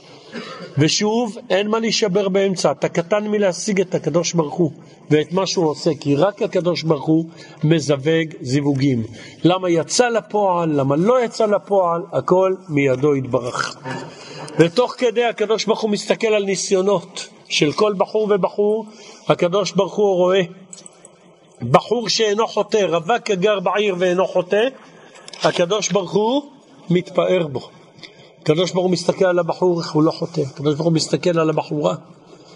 והקדוש ברוך הוא מתפאר בבחור ובבחורה. לפעמים קשה וקשה מאוד, רחל ולאה היו תאומות. רחל נפטרה בהיותה בת 37 שנים, ולאה אחותה נפטרה בת 44 שנים. נמצאנו למדים, לאה האריכה ימים על רחל אחותה בשבע שנים. יש שביארו למה לאה האריכה חיים שבע שנים. כי בימי חייה עברה לאה שבע שנים קשות ומרות, שכלו עיניה מראות איך יעקב עובד את אביה תמורת רחל, ואילו היא עומדת להינשא לעשו הרשע. לא הולך לה בשידוכים, ולאחותה הולך. שבע שנים של מרר. בסופו של ברר התברר לה כי מטרת הסבל הייתה שהיא תזכה להאריך ימים אחרי אחותה לעוד שבע שנים. חשבונות שמיים אנחנו לא יודעים מה הקדוש ברוך הוא מסדר ולמה מגלגל ולמה מתעכב השידוך למרות שאנחנו עושים את שלנו. לאה התפללה וציפתה כי יעקב יאהב אותה אבל לבסוף וירא השם כי שנואה לאה בסוף היא נשארה שנואה לכאורה לאה הייתה מסכנה אבל בגלל הסבל הזה היא זכתה גם לשישה שבטים שיצאו מזרעה. היא זכתה שיצאו מן הלוויים מלכים של יהודה הכהנים, עמלי תורה של יששכר, וזכתה להיקבר עם יעקב. יש, רבותיי, חשבון שנראה לנו כרגע בהתחלה, אבל יש את התוצאה.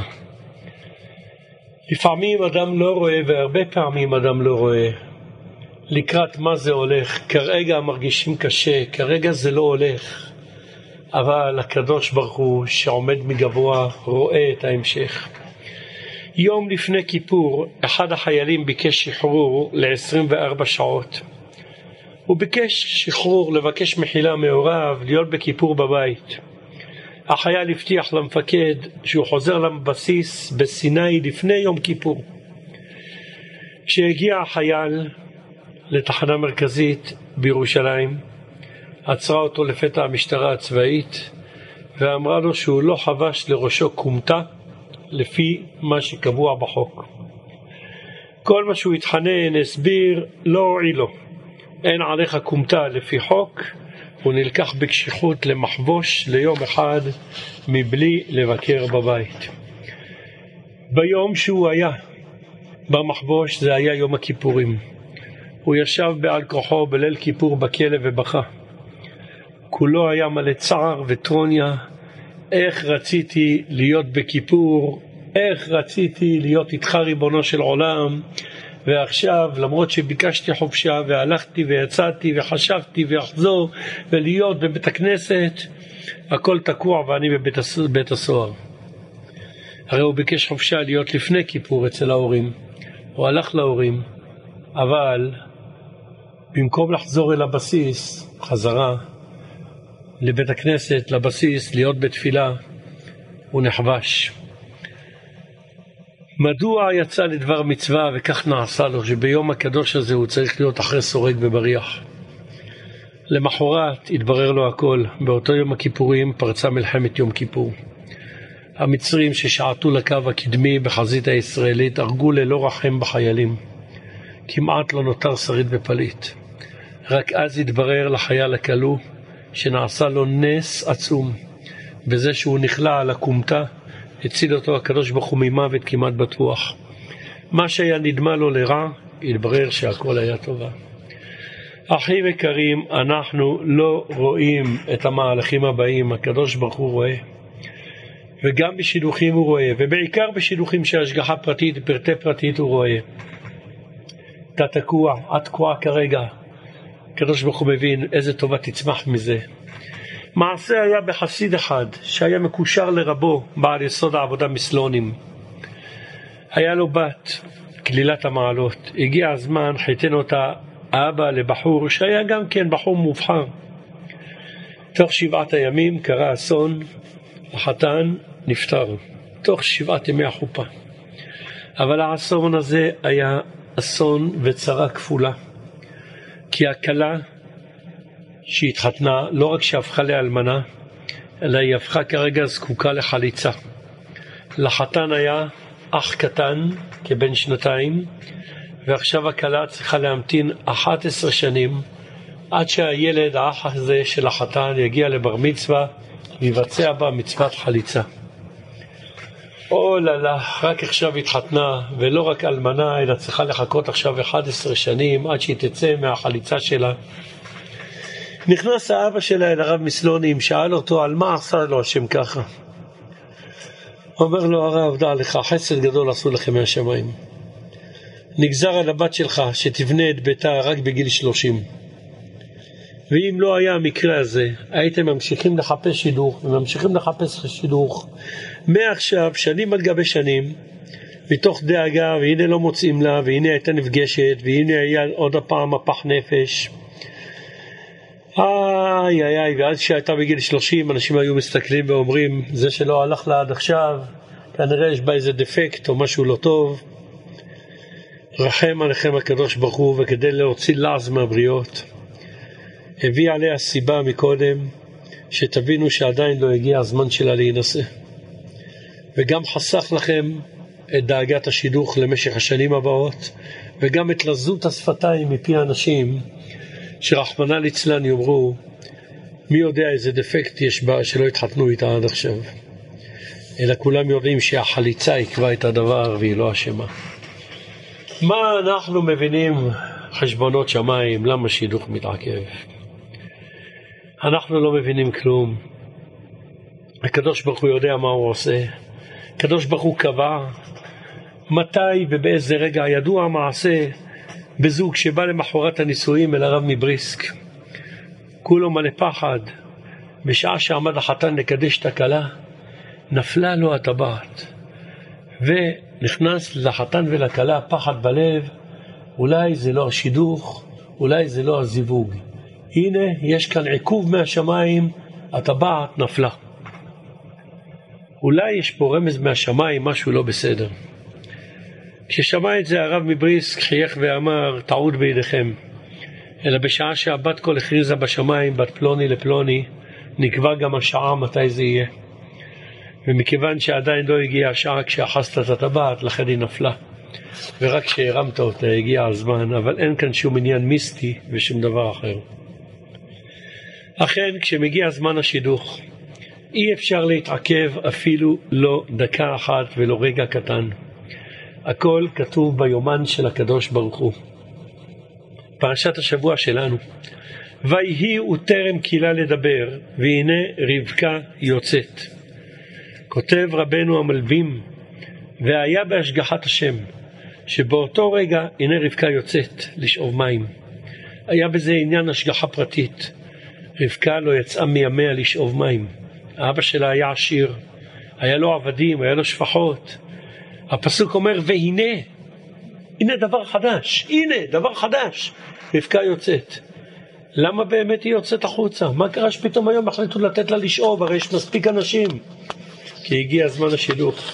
אז הקדוש ברוך הוא יוציא אותה לשאוב כדי שיתגלגל השידוך. כשיגיע הזמן והעת שצריך האדם להיפגש עם הזיווג, הישועה מגיעה כהרף עין. הישועה מגיעה כהרף עין. אם כן רבותיי נמצאנו למדים. הקדוש ברוך הוא, הוא מזווק זיווגים. הקדוש ברוך הוא לא שואל לא אותך ולא אותי איך להביא את מצב הזיווגים. הוא בתחבולות ובחוכמה גדולה מאוד. יודע בדיוק עדי כתב איך לזווג את הזיווגים. אנחנו צריכים להיות פתוחים לשמוע מהזיווג, ללכת להיפגש, לא להישבר אם סירבו לנו, ולא להתלהב ולעוף על עצמנו אם הלך לנו. כי יש מישהו מלמעלה שנתן את החן, יש מלמעלה, מישהו מלמעלה שהכניס בראש ובדעת של השני לומר כן, ויש מישהו מלמעלה שהוא הקדוש ברוך הוא, שגם הוא החליט וראה ונתן בראש של השני לומר את המילה לא לשלילה. והכל לטובה, למה היה צריך להיות כך? איך היה צריך להיות כך? אנחנו לא מבינים, הוא מבין את הכל. אין מצב, רבותיי, שתישאר בלי זיווג. אין מצב שתישארי בלי זיווג. ועל זה אנחנו רוצים לעמוד, רבותיי, על עוד נקודה אחת. האם יש מציאות שאדם קיבל תפקיד ונולד סיר ללא מכסה, או מכסה ללא סיר? לא תתחתן, לא תתחתני, חס ושלום, לעולם. לכאורה, אולי כן, כי הרי כתוב ארבעים יום קודם יצירת הוולד, בת קול יוצאת ואומרת, בת פלוני לפלוני. נגזרת גזרה עבור אותם אלה שנגזר להם שידוך. אבל למי שלא נקבע שידוך, לא יוצאת בת קול. כך אכן אמר הרב רבי חיים קנייבסקי. יש מציאות שאדם נולד ולא יצא עליו בת קול, כי לא נכתב עליו מי השידוך. הוא נולד ללא שידוך, יש דבר כזה.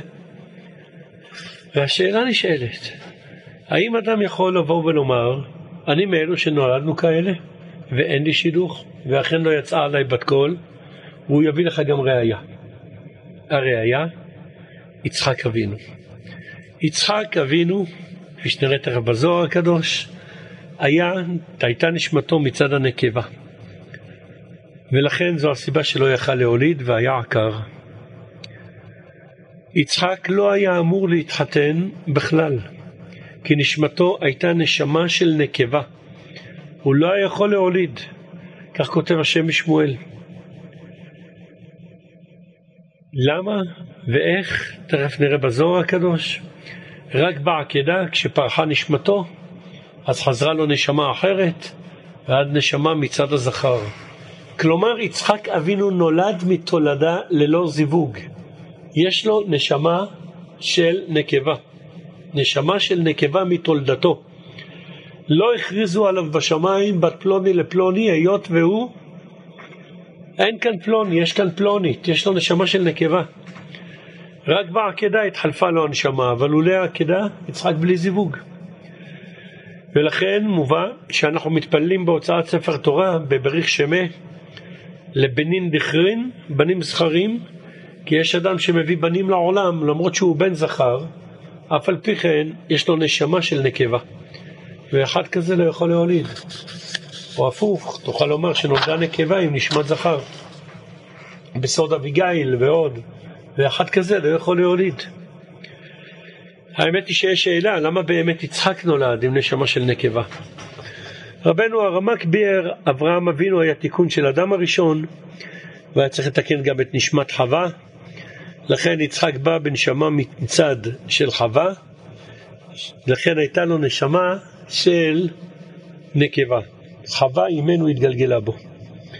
רבנו אור החיים הקדוש כותב, כי יצחק נולד עם נשמה של נקבה, עונש לשרה על שצחקה, ויעש השם לשרה כאשר דיבר, דיבור הוא לשון קשה, ועונש נוסף לאברהם שאמר לו ישמעאל יחיה לפניך, לכן כותב הרוח החיים הקדוש, על דברי אברהם לו ישמעאל יחיה לפניך, על צחוק של שרה, לכן נולד יצחק הבן עם נשמה של נקבה.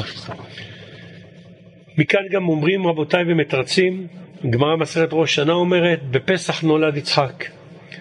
ואילו בילקוט ראובני כתוב, אברהם הוליד את יצחק בתשרה, אברהם הוליד את יצחק עם תריה תשרה, ולכן ילקוט הראובני כותב, יצחק נולד בתשרה, והדברים תמוהים, הרי יצחק נולד בפסח ולא בתשרה.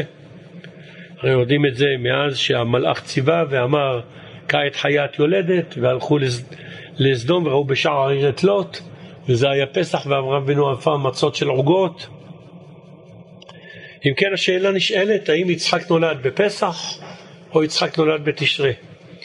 את התשובה הביאו המפרשים, יצחק באמת נולד בפסח, אבל בעקדה שהייתה ביום הכיפורים התחלפה נשמתו מנשמת נקבה לנשמת זכר בעקבות העקדה. ולכן יצדק לומר שהוא נולד גם בתשרי. וכאן גם רבותיי אנחנו מבינים דבר נוסף. איך ייתכן שאברהם אבינו התעכב עד שיצחק היה כבר בן 37, עד אחרי העקדה, ורק אז דאג לחתן אותו? למה אברהם לא חיתן את יצחק כבר כשהיה צעיר יותר? התשובה, כי הוא ידע שיש לו נשמה של נקבה. הוא לא יכול להתחתן, לא יכול להביא ילדים. לכן לא חיתן אותו. לאור כל זאת, רבותיי, הננו באים כרגע וטמאים ושואלים. לפי כל זה, לפי כל העניין, מה שאנחנו באים ורואים פה, יש אנשים שנולדים עם נשמה של נקבה. לכאורה יבוא אדם ויאמר, לי אין זיווג ואני נולדתי בלי זיווג, ולכן לא הולך לי, ולכן קשה לי, ולכן ולכן ולכן. התשובה לכך היא רבותיי, קודם כל אף אחד מאיתנו לא בעל רוח הקודש ולא יודע בדיוק, ואתה לא אברהם שיודע, אף אחד מאיתנו לא יודע, ואף אחד מאיתנו לא בעל רוח הקודש. זה אחד. שתיים, והיות והתורה כן לא בשמיים היא, לכן נצטרך באמת להשתדל אחר הזיווג עד גיל 120. כי אתה לא יודע בדיוק כמה תפילות צריך, ומה ומו, ומה חשבונות שמיים. אף אחד לא יכול לקבוע על עצמו לי אין זיווג. שתיים, נבין כאן דבר נוסף, שהרי אחרי העקדה כן קיבל נשמה של זיווג, וממנו יצא כל האהובות של עם ישראל לדורות עולם. כלומר, גם אם תבוא ותאמר לי שנולדת אחד בלי זיווג, הרי אתה רואה שעל ידי מעשה של מסירות נפש וניסיון שמזדמן לך, אתה יכול לקנות חלק נשמה, גם בסוד עיבור, כמו שלמדנו בשיעור עיבור ודיבוק, ולהיות אדם שיכול לקבל נשמת זכר או אישה נשמת נקבה, על ידי ניסיון במסירות נפש ולהיות כאחד האדם, גם אם נולדתם עקרים מצד הנשמה. לאור זאת נוכל לומר שאחרי שידענו שאדם יכול על ידי מסירות נפש להחליף אפילו חלק מנשמתו, נוכל לומר גם כן שיצחק אבינו, לא כמו שכתב הרב קנייבסקי בלכאורה, שכשהוא נולד לא, לא אמרו בשמיים בת פלוני לפלוני ארבעים יום לפני כי לא היה לו זיווג, אלא כי ידעו מהשמיים שכן יהיה לו זיווג, כי הקדוש ברוך הוא רואה וצופה מראשית אחרית, ולכן ידעו מהשמיים שעל ידי ניסיון של עקדה הוא כן יוכל להגיע לידי זיווג, וקבעו עליו בת פלוני לפלוני שזו רבקה. ומכאן תבין למה בספר שפתי צדיק בא לבאר בטעם של אליעזר מבקש מהשם ועשה חסד עם אדוני אברהם. נשאלת השאלה, מה השייכות ועשה חסד עם אדוני אברהם? מי הולך להתחתן? אברהם או יצחק? יצחק הולך להתחתן. היה צריך לומר אליעזר ועשה חסד עם יצחק, שהנה ימצא את הזיווג ויתחתן. למה הוא אומר ועשה חסד עם אדוני אברהם? והתשובה היא, יצחק לא נצטרך לתפילה. כי גם השידוך של יצחק נקבע כבר מהשמיים ארבעים יום. גם אם תבוא ותאמר שנולד בלי הבת זוג שלו, אבל ידעו מהשמיים, הרי הקורא הדורש מרות שידע שעל ידי העקידה הוא כן יוכל להגיע. לכן יצחק וכל אדם מאיתנו גם נולד במצב כזה, גם לא כתוב הזיווג.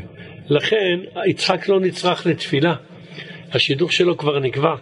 החסד היה צריך בשביל אברהם, שיזכה בחייו לראות איך יצחק עומד בניסיון ומגיע אל השידוך.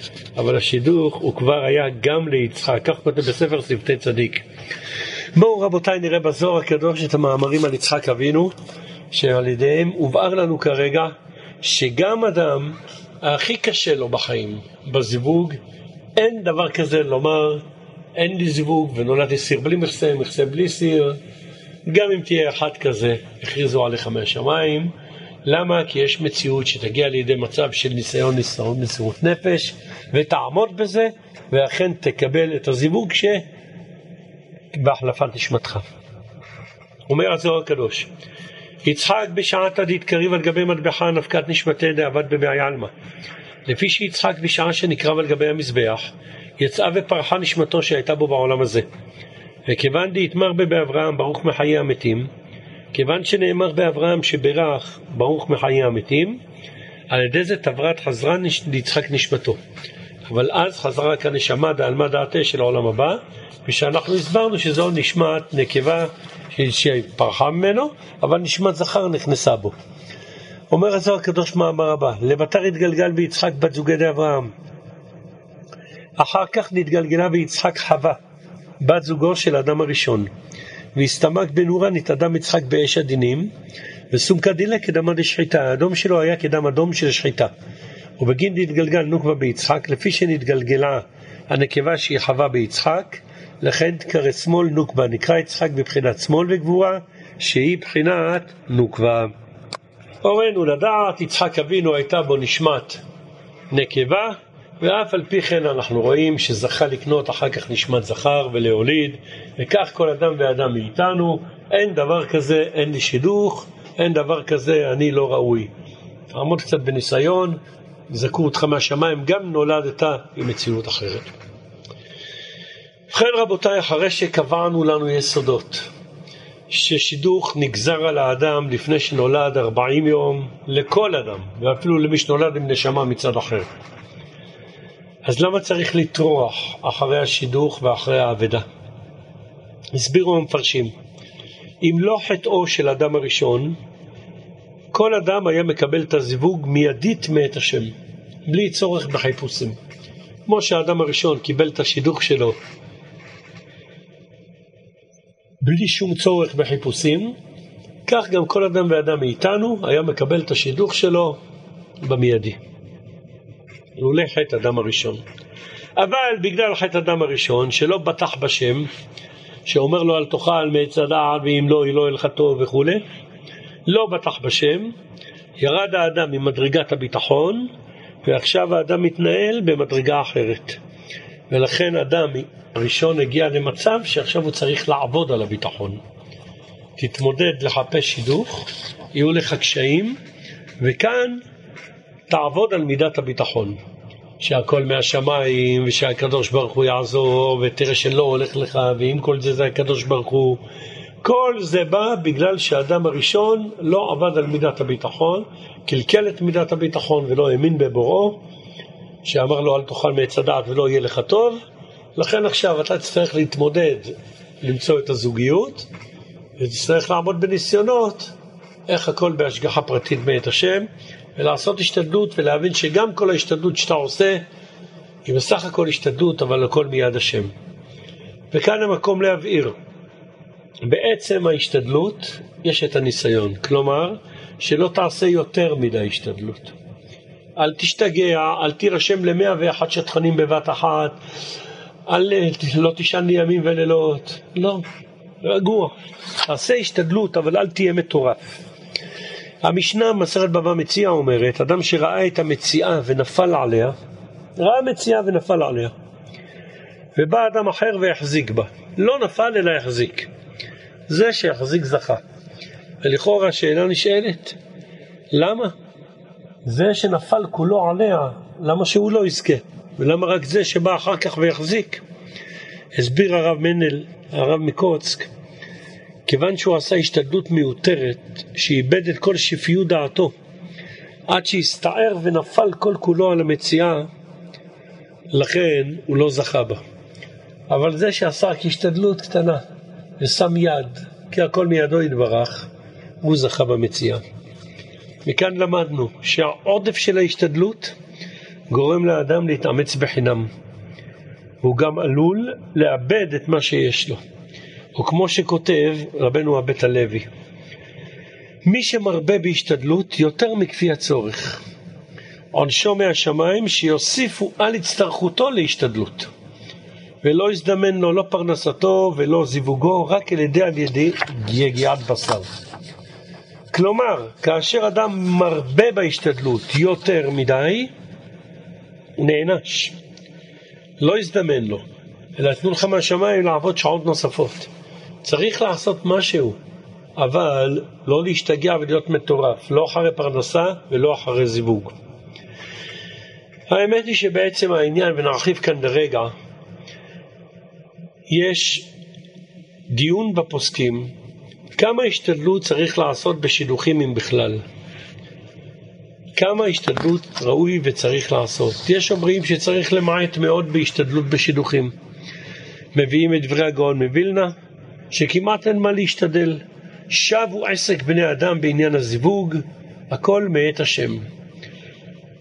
כלומר, הסביר הרב מבריסק, מה אומר הגאון מווילנה? ההשתדלות המינימלית שכבר כן עושים זה רק כדי להרגיע את הנפש. ואתה לא עושה הרבה פה בלאו הכי. הרב אוירבך הסביר, צריך לעשות משהו אבל פחות מכל מה שאתה משתדל על שאר עניינים. כך מובא בשם רבנו הגר"א מווילנה. שבו עסק בני אדם בעניין הזיווג, הכל הוא מאת השם. על זה שהסבירו, עצם זה שאתה בכלל רוצה, חושב, מתכוון, או נוגע במשהו קטן, זה מספיק. אבל רבותיי, כל המפרשים כולם פה אחד העמידו את דברי רבנו הגאון מווילנה, שזה מדובר על צדיק גמור. על אדם שהוא צדיק גמור, בעל ביטחון גדול, רק אחד כזה יכול באמת כמעט ולא להשתדל במצוות שידוך. אחד שהוא בדרגה של יצחק אבינו, שעבר עקדה, שעבר וכולי וכולי. ייתכן שאחד כזה שבש... שהיה בגן עדן, שלמד תורה עם מלאכים, עולה תמימה, הקדוש ברוך הוא קורא לו כבר אלוהי יצחק בחייו, ופחד יצחק היה לי. אם כן, זה מדובר רק באדם שהוא בגדר כזה, עליו דיבר רבנו הגאון מווילנה, שכמעט שב העסק בשידוכים. אבל כל שאר בני אדם, יהיה מי שיהיה, צריך לעשות השתדלות בשידוכים. לא בטירוף הדעת, אבל צריך לעשות. בספר חסידים כתוב, מעשה בבתולה אחת, שלא הייתה מתקשטת. אמרו לה מי שיראה אותך שאת לא מתקשטת, לא ייקח אותך. והיא אמרה, הקדוש ברוך הוא ממציא זבוגים, אני לא דואגת.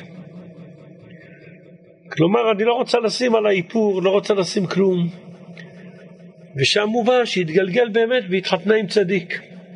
היו שרצו להביא מכאן ראייה שהנה יש מדרגה באישה שיכולה להיות גם היא צדקת גדולה, לא מתאפרת, לא כלום, בסוף תזכה בצדיק, בלי הרבה השתדלות. אבל גם פה הפוסקים דחו. תראה לי אחת שהיא צדקת יסוד עולם כמו אותה אחת, שאפילו ההלכה לא עומדת בפניה. כי פשט ההלכה, שולחן ערוך יורד היה סימן שפ"א, מותר לבת מגיל 12 וחצי לכחול ולפרכס את גופה ועיניה אפילו בשבעת ימי אבל, כדי שבני אדם יתרצו בה להתחתן.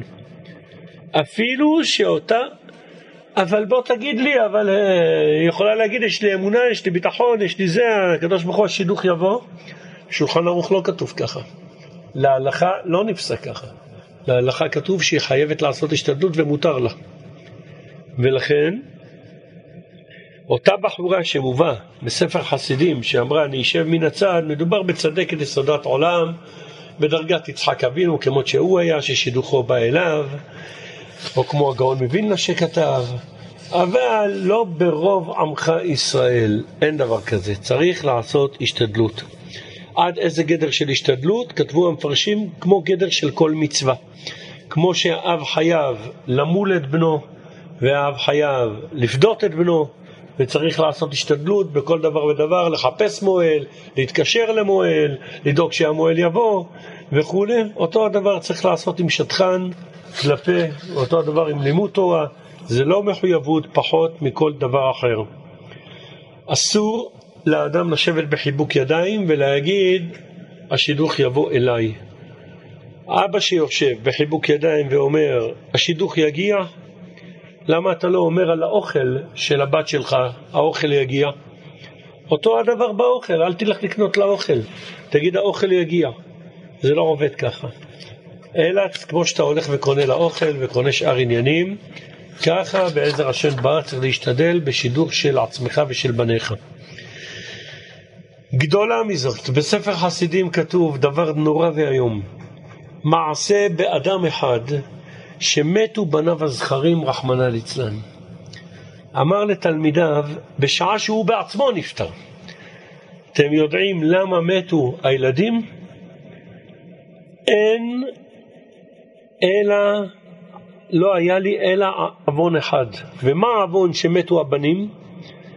הייתה לי בת אחת קטנה, והייתה אלמנה, ורצתה להתחתן.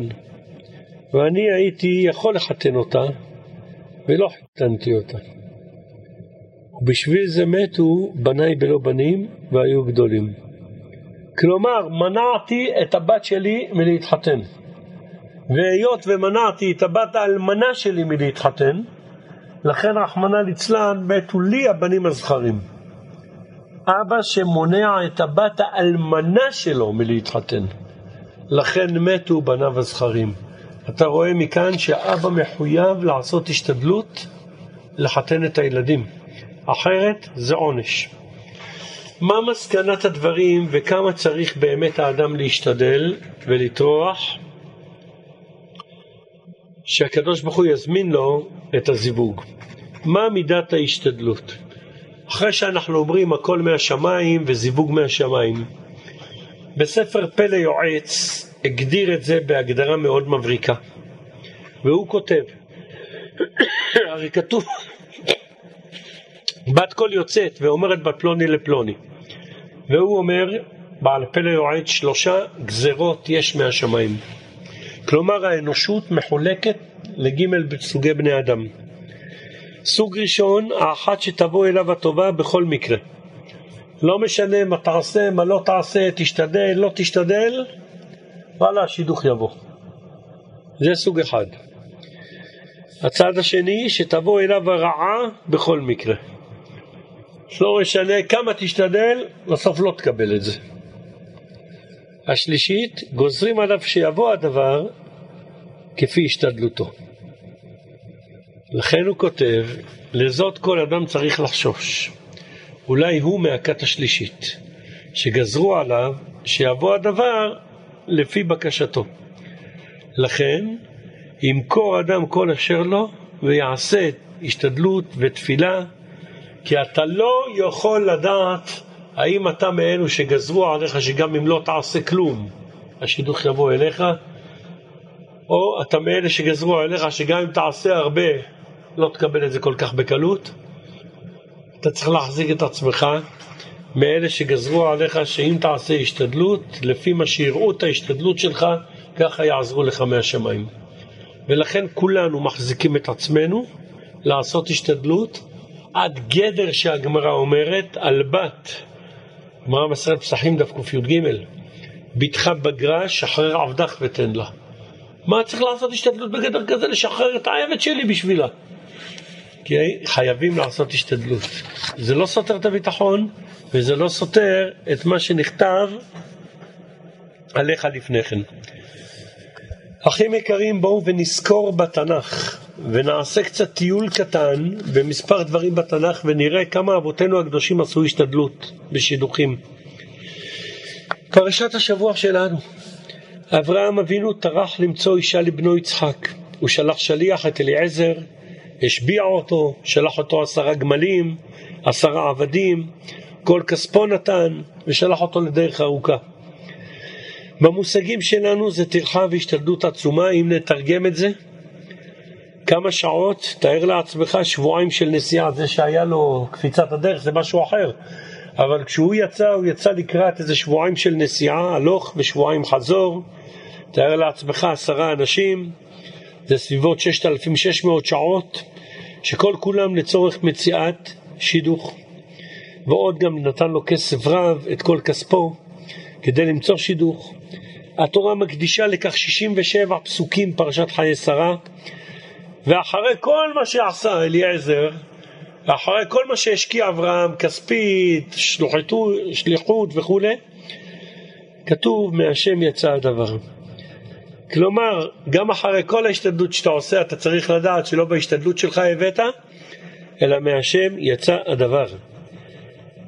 אבל אתה רואה שאברהם אבינו לא אמר בוא נעזוב את זה ונשב במקום שלנו ולא נעשה טרחה כזאת גדולה, או נשלח את העבד לבדו בלי עשרה אנשים איתו, או נשלח אותו בלי מתנות.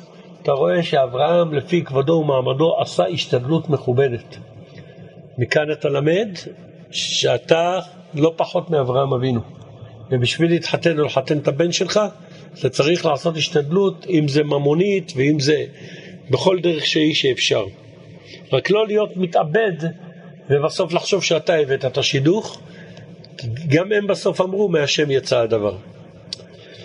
בואו נסתכל על יעקב אבינו, הוא השתדל למצוא שידוך. בשביל זה הוא עבד 14 שנים בתנאים קשים. 14 שנים זה כמעט 122 אלף שעות של עבודה. למה הוא היה צריך לטרוח כל כך? מה הוא לא יכל לפתוח בשם שהשידוך יגיע איכשהו? הרי הוא יצא בברכה של האבא, הוא יצא בברכה של האימא.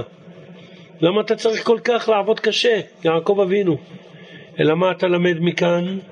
שבשביל למצוא שידוך, גם יעקב אבינו איש התורה, הבין צריך לעשות השתדלות וצריך לטרוח. משה רבנו נשבע ליתרו חמיו, שלא יעזוב אותו בלי רשות. ונשבע לו שאפילו הבן הראשון שייוולד יהיה כומר לעבודה זרה, כמו שלמדנו בשיעור אחר. וכל זה כדי שיתרו יסכים לתת לו את הבת שלו להתחתן. לכאורה, מה אתה צריך לעשות השתלדות אפילו רוחנית כזאת? להישבע לכומר, שהבן הראשון שייוולד, הנכד, יהיה עבודה זרה. עד כדי כך? כן, רבותיי. צריך לעשות השתדלות בזיווג. ולמרות שראית בגאון מווילנה שכתב וכולי, ש... תדע לך, לא כל אחד מדרגה כזאת וגם לא אברהם אבינו.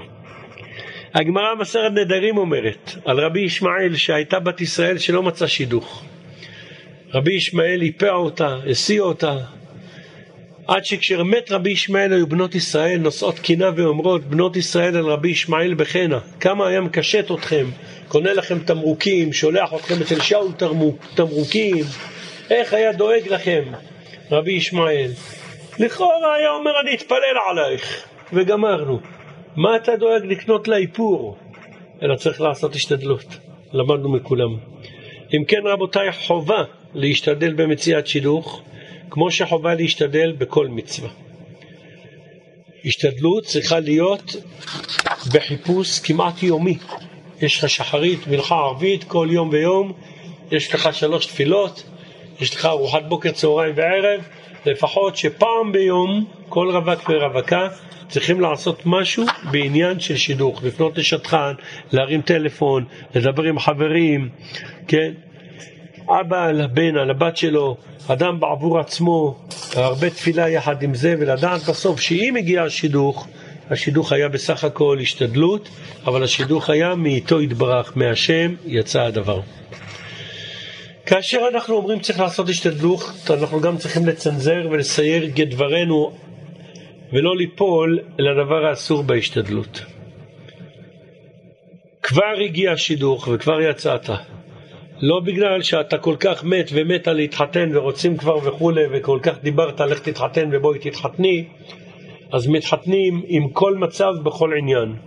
בראש ובראשונה אנחנו יודעים שאם מדובר במחלל או מחללת שבת, או אחד שלא תשמור טהרת המשפחה, אין על מה לדבר. זה לא השתדלות, זה לא שידוך, זה לא רצון השם, וכאן לא הכריזו מהשמיים ארבעים יום בפלוני לפלוני. לא ייתכן שמהשמיים יכריזו על שידוך שבא בעבירה. זה דבר ברור, אין חולק על זה.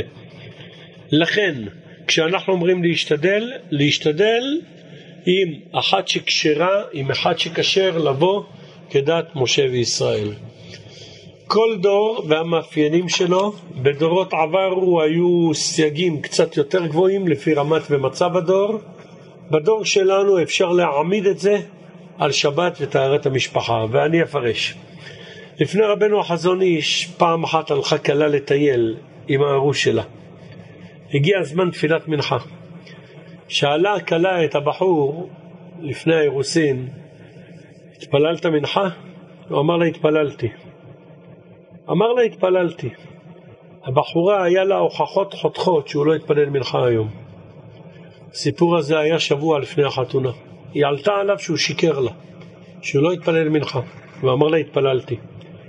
הבחורה שלחה לשאול את רבנו חזון איש.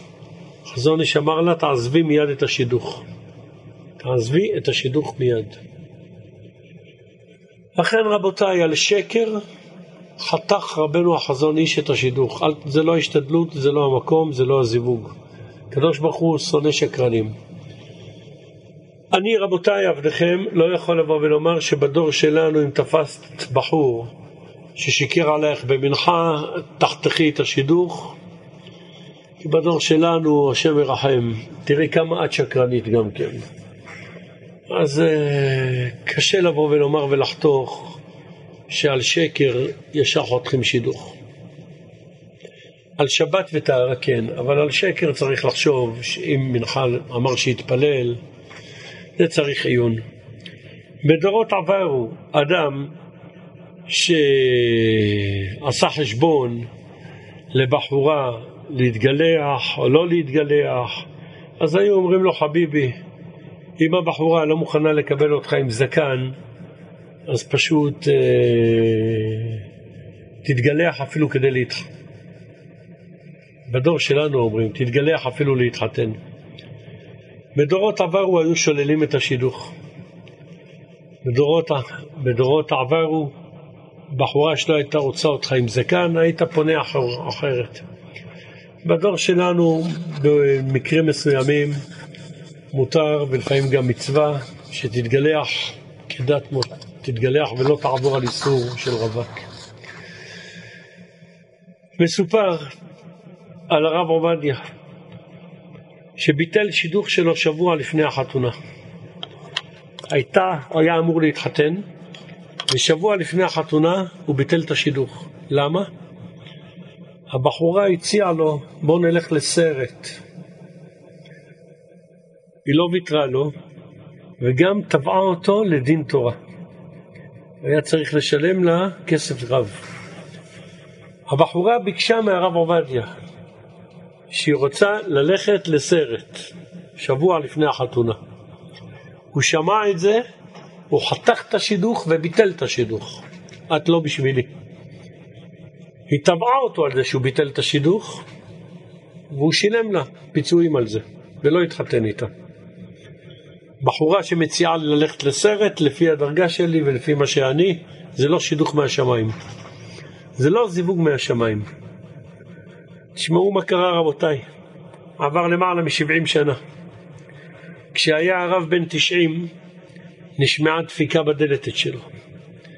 השמש, השמש בא לפתוח, הוא רואה אישה שמבקשת להיכנס לדבר עם הרב. השמש מסרב, אל תיכנסי לפה, עכשיו מאוחר, הרב לא מקבל עכשיו. לא, לא, לא, אני רוצה להיכנס. גברת, עכשיו אין... והיא אומרת, לך תגיד לרב שאני השידוך הראשון שלו שהייתי. השמש נכנס לרב, אומר לו, יש פה אישה שאומרת שהיא הייתה הפגישה הראשונה שלך. נכנסת לרב ואומרת לו, כבוד הרב, אין לי כסף לקנות אוכל. אומר הרב לשמש, תן לה סל מזון כל יום שישי מהיום הזה והלאה. רגע לפני שהיא עוזבת את הבית של הרב, היא אומרת לו, תדע לך כבוד הרב, יש לך מזל שלא התחתנת איתי. כשביקשתי ואתה ביטלת בגלל הסרט, יש לך מזל שלא התחתנת איתי. כי אחרי שאתה ביטלת את השידוך ואני הלכתי לדרכי, הרופאים גילו שאין לי רחם. אם היית מתחתן איתי, לא היה לך ילדים לעולם. בגיל 90 הבין הרב עובדיה עד כמה כל הנהגות השם מושגחות לטובה. אם הוא היה מתחתן איתם ומוותר לה על הסרט, לא היו לו ילדים, הוא היה נשאר חי עם אישה ללא רחם. הוא לא ידע מה צופן העתיד, אבל הניסיון היה פה. אישה שרוצה ללכת לסרט, לפי מעמדו, זה לא זיווג מהשמיים. עושים השתדלות, אבל לא במצב זה. שוב רבותיי, גם בנידון הזה, זה היה הרב עובדיה, זה היו אנשים בעלי זקן. בדור שלנו צריך לשאול רב, האם בגלל שרוצה ללכת לסרט אתה תבטל שידוך? תסתכל על עצמך, אתה מה עושה עם הטלפון שלך, כמה סרטים. אז אולי עדיף שתתחתן עם אחת שמבקשת ככה ותבוא לשיעורי תורה עד שיוציאו לשניכם את הסרט מהראש. בכל אופן, על שני דברים לא מתפשרים, לא על שבת ולא טהרת המשפחה. אבל כל השאר אפשר לעשות השתדלות בה. עד כמה אפשר לאדם לבוא ולהידחק ולדחוף שידוך, אפילו שנראה משהו שונה מהתורה. הגמרא מספרת, הייתה אלמנה אחת שלא הייתה מצליחה להתחתן. הלל הזקן פרסם, היא קרובת משפחה שלי. כדי שיתחתנו איתה. למרות שהיא לא הייתה קרובת משפחה של הלל. הלל הזה כן פרסם, היא קרובת משפחה שלי, כדי שיתחתנו איתה. למה זה מותר? אמרו המפרשים, דבר שהוא דרך תכסיסים לא נקרא שקר. כלומר, גם הקדוש ברוך הוא עשה תכסיס אל אדם הראשון. לפני שהוא הציע לו את חווה, אדם הראשון בכוונה הציע לו שידוך עם כל מיני בהמה חיה ועוף. ואחר כך הציע לו את חווה. כשראה שלא התיישבה דעתו בשידוך מבעלי חיים אחרים, כמו שהגמרא אומרת. למה הקדוש ברוך הוא בא אליו ככה בהפוך? אלא ללמד אותך שגם בשידוכים, אם אתה בא בתכסיס מסוים, לפעמים זה מותר ולפעמים צריך. לכן אתה יכול לבוא ולומר, וכך עשה הלל הזקן, שאותה אלמנה היא קרובת משפחה שלו. וזה מותר. הצדיק רבי שלמה בלוך היה תלמיד של רבנו חפץ חיים. פעם שיתחו יתומה עם בחור בן תורה. השטחן אמר לבחור, היתומה היא קרובה של מרן החפץ חיים. ככה השטחן אמר לבחור, שהיתומה היא קרובה של החפץ חיים. בא הבחור לשאול האם זה אמת, שאל את החפץ חיים. אמר לו כן, כן, היא קרובה משפחה שלי. כך אמר לבחור. כשהלך הבחור, שאלו בני הבית את החפץ חיים, הייתכן, אנחנו בכלל לא משפחה של הבחורה הזאת. אמר לה, כל ישראל משפחה אחת, קרובים זה לזה. ולמעשה כך פסק גם כן הגאון רבי ישראל פישר, ראש אב בית דין בירושלים של הבד"ץ העדה החרדית, שיש להתיר לשנות כל מי שהולך לו קשה בשידוכים וליבו נשבר בקרבו, יש להתיר לשנות, תוכל להגיד שהוא קרוב משפחה שלך, תוכל... גם בענייני גילאים, גם בענייני גילאים, אפשר לשנות בדיבור איזשהו שינוי קטן. אמרו, אם הבחורה בת 20, אפשר לומר שהיא בת 19. ככה אמר הרב אלישיב. בת 20, תגיד שהיא בת 19. החזון איש אמר לבחור, במקום 26, תגיד אתה 24. אמר לו, אבל אני 26. אמר לו, אתה יכול להגיד שאתה 24, ואתה תתכוון, פעם הייתי בגיל 24. הבנת? פעם הייתי בן 24, וזה מותר. האמת היא, היום כמעט קשה לשמוע נתונים אמיתיים בשידוכים. אפילו על שאלות פשוטות, כמו גובה, משקל, אנשים מוסיפים 20 סנטימטרים או מורידים 30 קילו, ופה ושם גם לא נותנים תמונה מדויקת. אז לכן, ובוודאי שעל אופי וסגנון גם כן משנים. בסופו של דבר, הקדוש ברוך הוא מוביל את השידוך, שכל אחד ישמע מה שבאמת צריך לשמוע, וגם אם שינו, לא זה מה שקובע וחורץ את הגורל של השידוך. כמה צריך לברר בשידוכים ולעשות בגדר ההשתדלות? צריך לדעת שצריך לעשות השתדלות סבירה ושאלות סבירות. לא צריך ואסור לעשות חקירות שב"כ, כי מי שיעשה יותר מדי ברורים, הקדוש ברוך הוא יסתכל עליו בעין גבוהה יותר, ויגיד לו, אתה עושה יותר מדי ברורים על הבן זוג, ולא משאיר לי כלום, שאני אעשה את העבודה, תסתדר עכשיו בלעדיי. לכן, צריך לדעת, עושים השתדלות, אבל לא בטירוף. לא בטירוף, עושים שאלות, שואלים, מבררים, אבל לא צריך להשתגע אחרי זה. ולא לחפור יותר מדי, הקדוש ברוך הוא לא אוהב את החפירות לעומק האלה על הבן זוג. מה קורה כאשר אדם ניגש לשידוך, והמשודכת אומרת, אתה לא מתאים לי. הבחורה אומרת, לא רלוונטי. השטרנט אומרת, היא לא רוצה. הרי אחרי הכל כתוב, נקרא לנערה ונשאלה את פיה.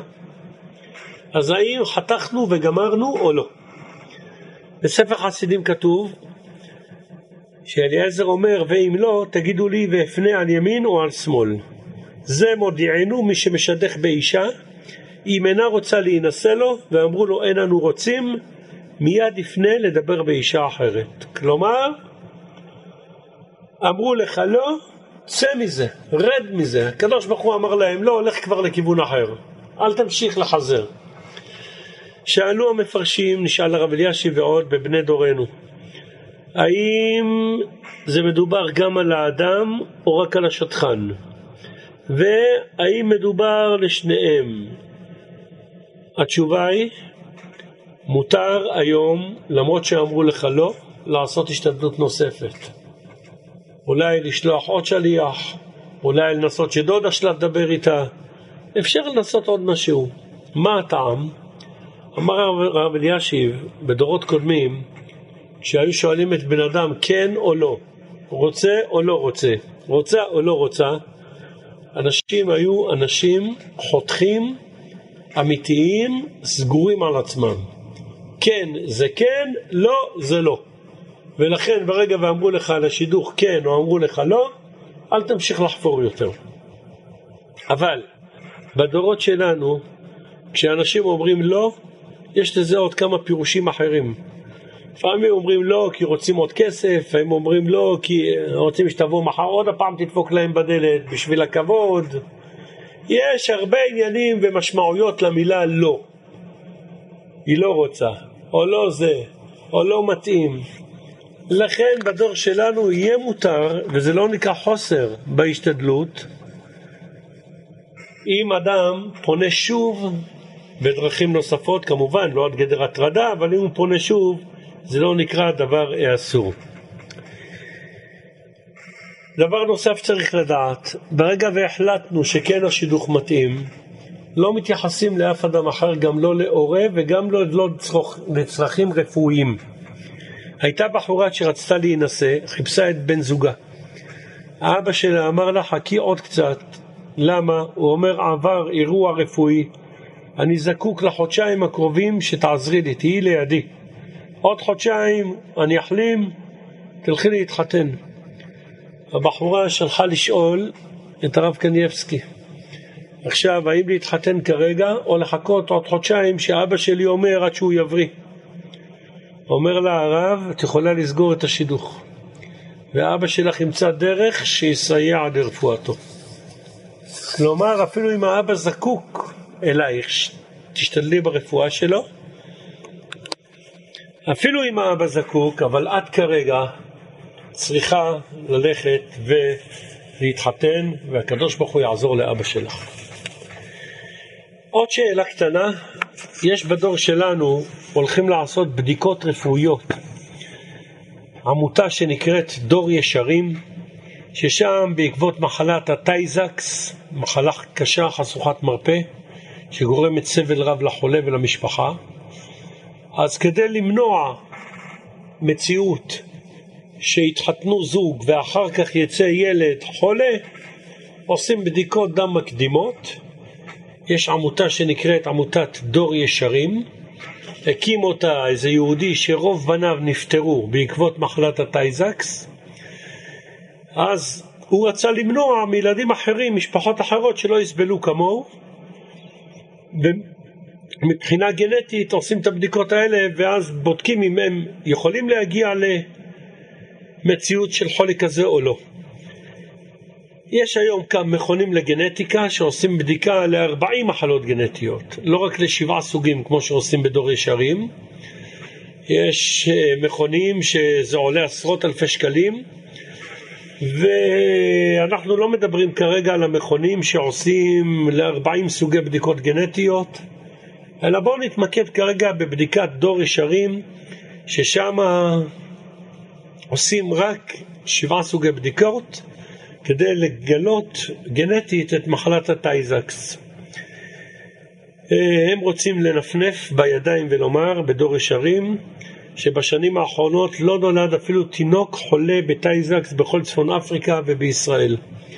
וככה הופחתו במידה משמעותית חולי ה CF, cystic fibrosis, רחמנא ליצלן. נשאלו הפוסקים, האם יש חובת השתדלות לאדם, לחתן, לכלה, ללכת לפני החתונה ולערוך את הבדיקה הזאת, בדיקת דור ישרים, או לא? רבים מהפוסקים סוברים, הבדיקה הזאת אינה בכלל חובת ההשתדלות. למרות שהנהלת דור ישרים תצביע על עשרות מקרים שהיא מנעה שידוך בגלל בעיות גנטיות, והיא תגיד שהמחלה הזאת קטנה בארץ באופן משמעותי. עם כל זאת, אנחנו סוברים שאם היה סבירות כזאת, הקדוש ברוך הוא לא היה מביא את החתן והכלה למציאות של פגישה. ולכן אם הוא הביא אותנו למציאות של פגישה, לא צריך ללכת ולחפור בדור ישרים. כך מורה הרב קנייבסקי לשואליו שלא להיבדק. ורק הוא אמר שאם הצד השני דוחק מדי, אפשר לענות לבקשתם. אם כן, היה מורה לשואליו לא להיבדק, ואין פה עניין של השתדלות. הרב אלישוב אמר, מי שרוצה לא עובר איסור, אבל גם אין חובה ואין צורך. כששאלו את הרב קנייבסקי שוב על זה, אמר להם, אני בעצמי לא עשיתי דור ישרים, אז מה אתם רוצים לשאול על אחרים? כלומר, ההשתדלות היא עד גדר סביר, אבל ללכת ולחפור אפילו בבדיקות נדירות לגבי הטייזקס ועוד, דעת רוב הפוסקים שאין מה לחפש שם, ואין צורך ללכת ולבדוק שם. שידוך מהשמיים, ואם הקדוש ברוך הוא לא היה רוצה, לא היית מגיע בכלל למציאות הזאת לפגוש את הבחורה הזאת שם. אנחנו רבותיי רוצים להגיע לדבר נוסף, והוא על אדם שפשוט נגזר עליו שידוך מהשמיים. ועם כל זאת שנגזר עליו שידוך מהשמיים, אותו אדם, רחמנא ליצלן, יש בכוחו לבטל את אותו שידוך. וזה מציאותי, כן. נכתב שידוך מהשמיים, נגזר עליך על הסיר הזה מכסה, למכסה הזה סיר, ואנשים בידיים שלהם גורמים לבטל את השידוך. אדם שמתרשל בענייני השידוך ופוסל משיקולים של כסף, כבוד ודברים שהתורה לא אמרה שצריך לבדוק או לברר עליהם ולחפור בהם, בררנות יתר של אדם גורמת לאדם להפסיד את השידוך שלו, רחמנא ליצלן. היא לא מספיק גבוהה, היא מבוגרת מדי, על זה אין מה לדבר, היא לא מושלמת וכולי, איפה אני ואיפה היא. אם זה לא מוצדק, תדע לך, נדב ואביהו שהיו צדיקים גמורים, כמו שלמדנו בשיעור שנקרא נדב ואביהו, נשארו רווק, רווקים, כי בחציפות שלהם, בגאווה שלהם, הם ציפו להצעה טובה יותר. וכך אומר המדרש. רבי לוי אומר שחצנים היו. הרבה נשים היו יושבות עגונות ממתינות להם, אולי ייקח אותי. מה היו אומרים?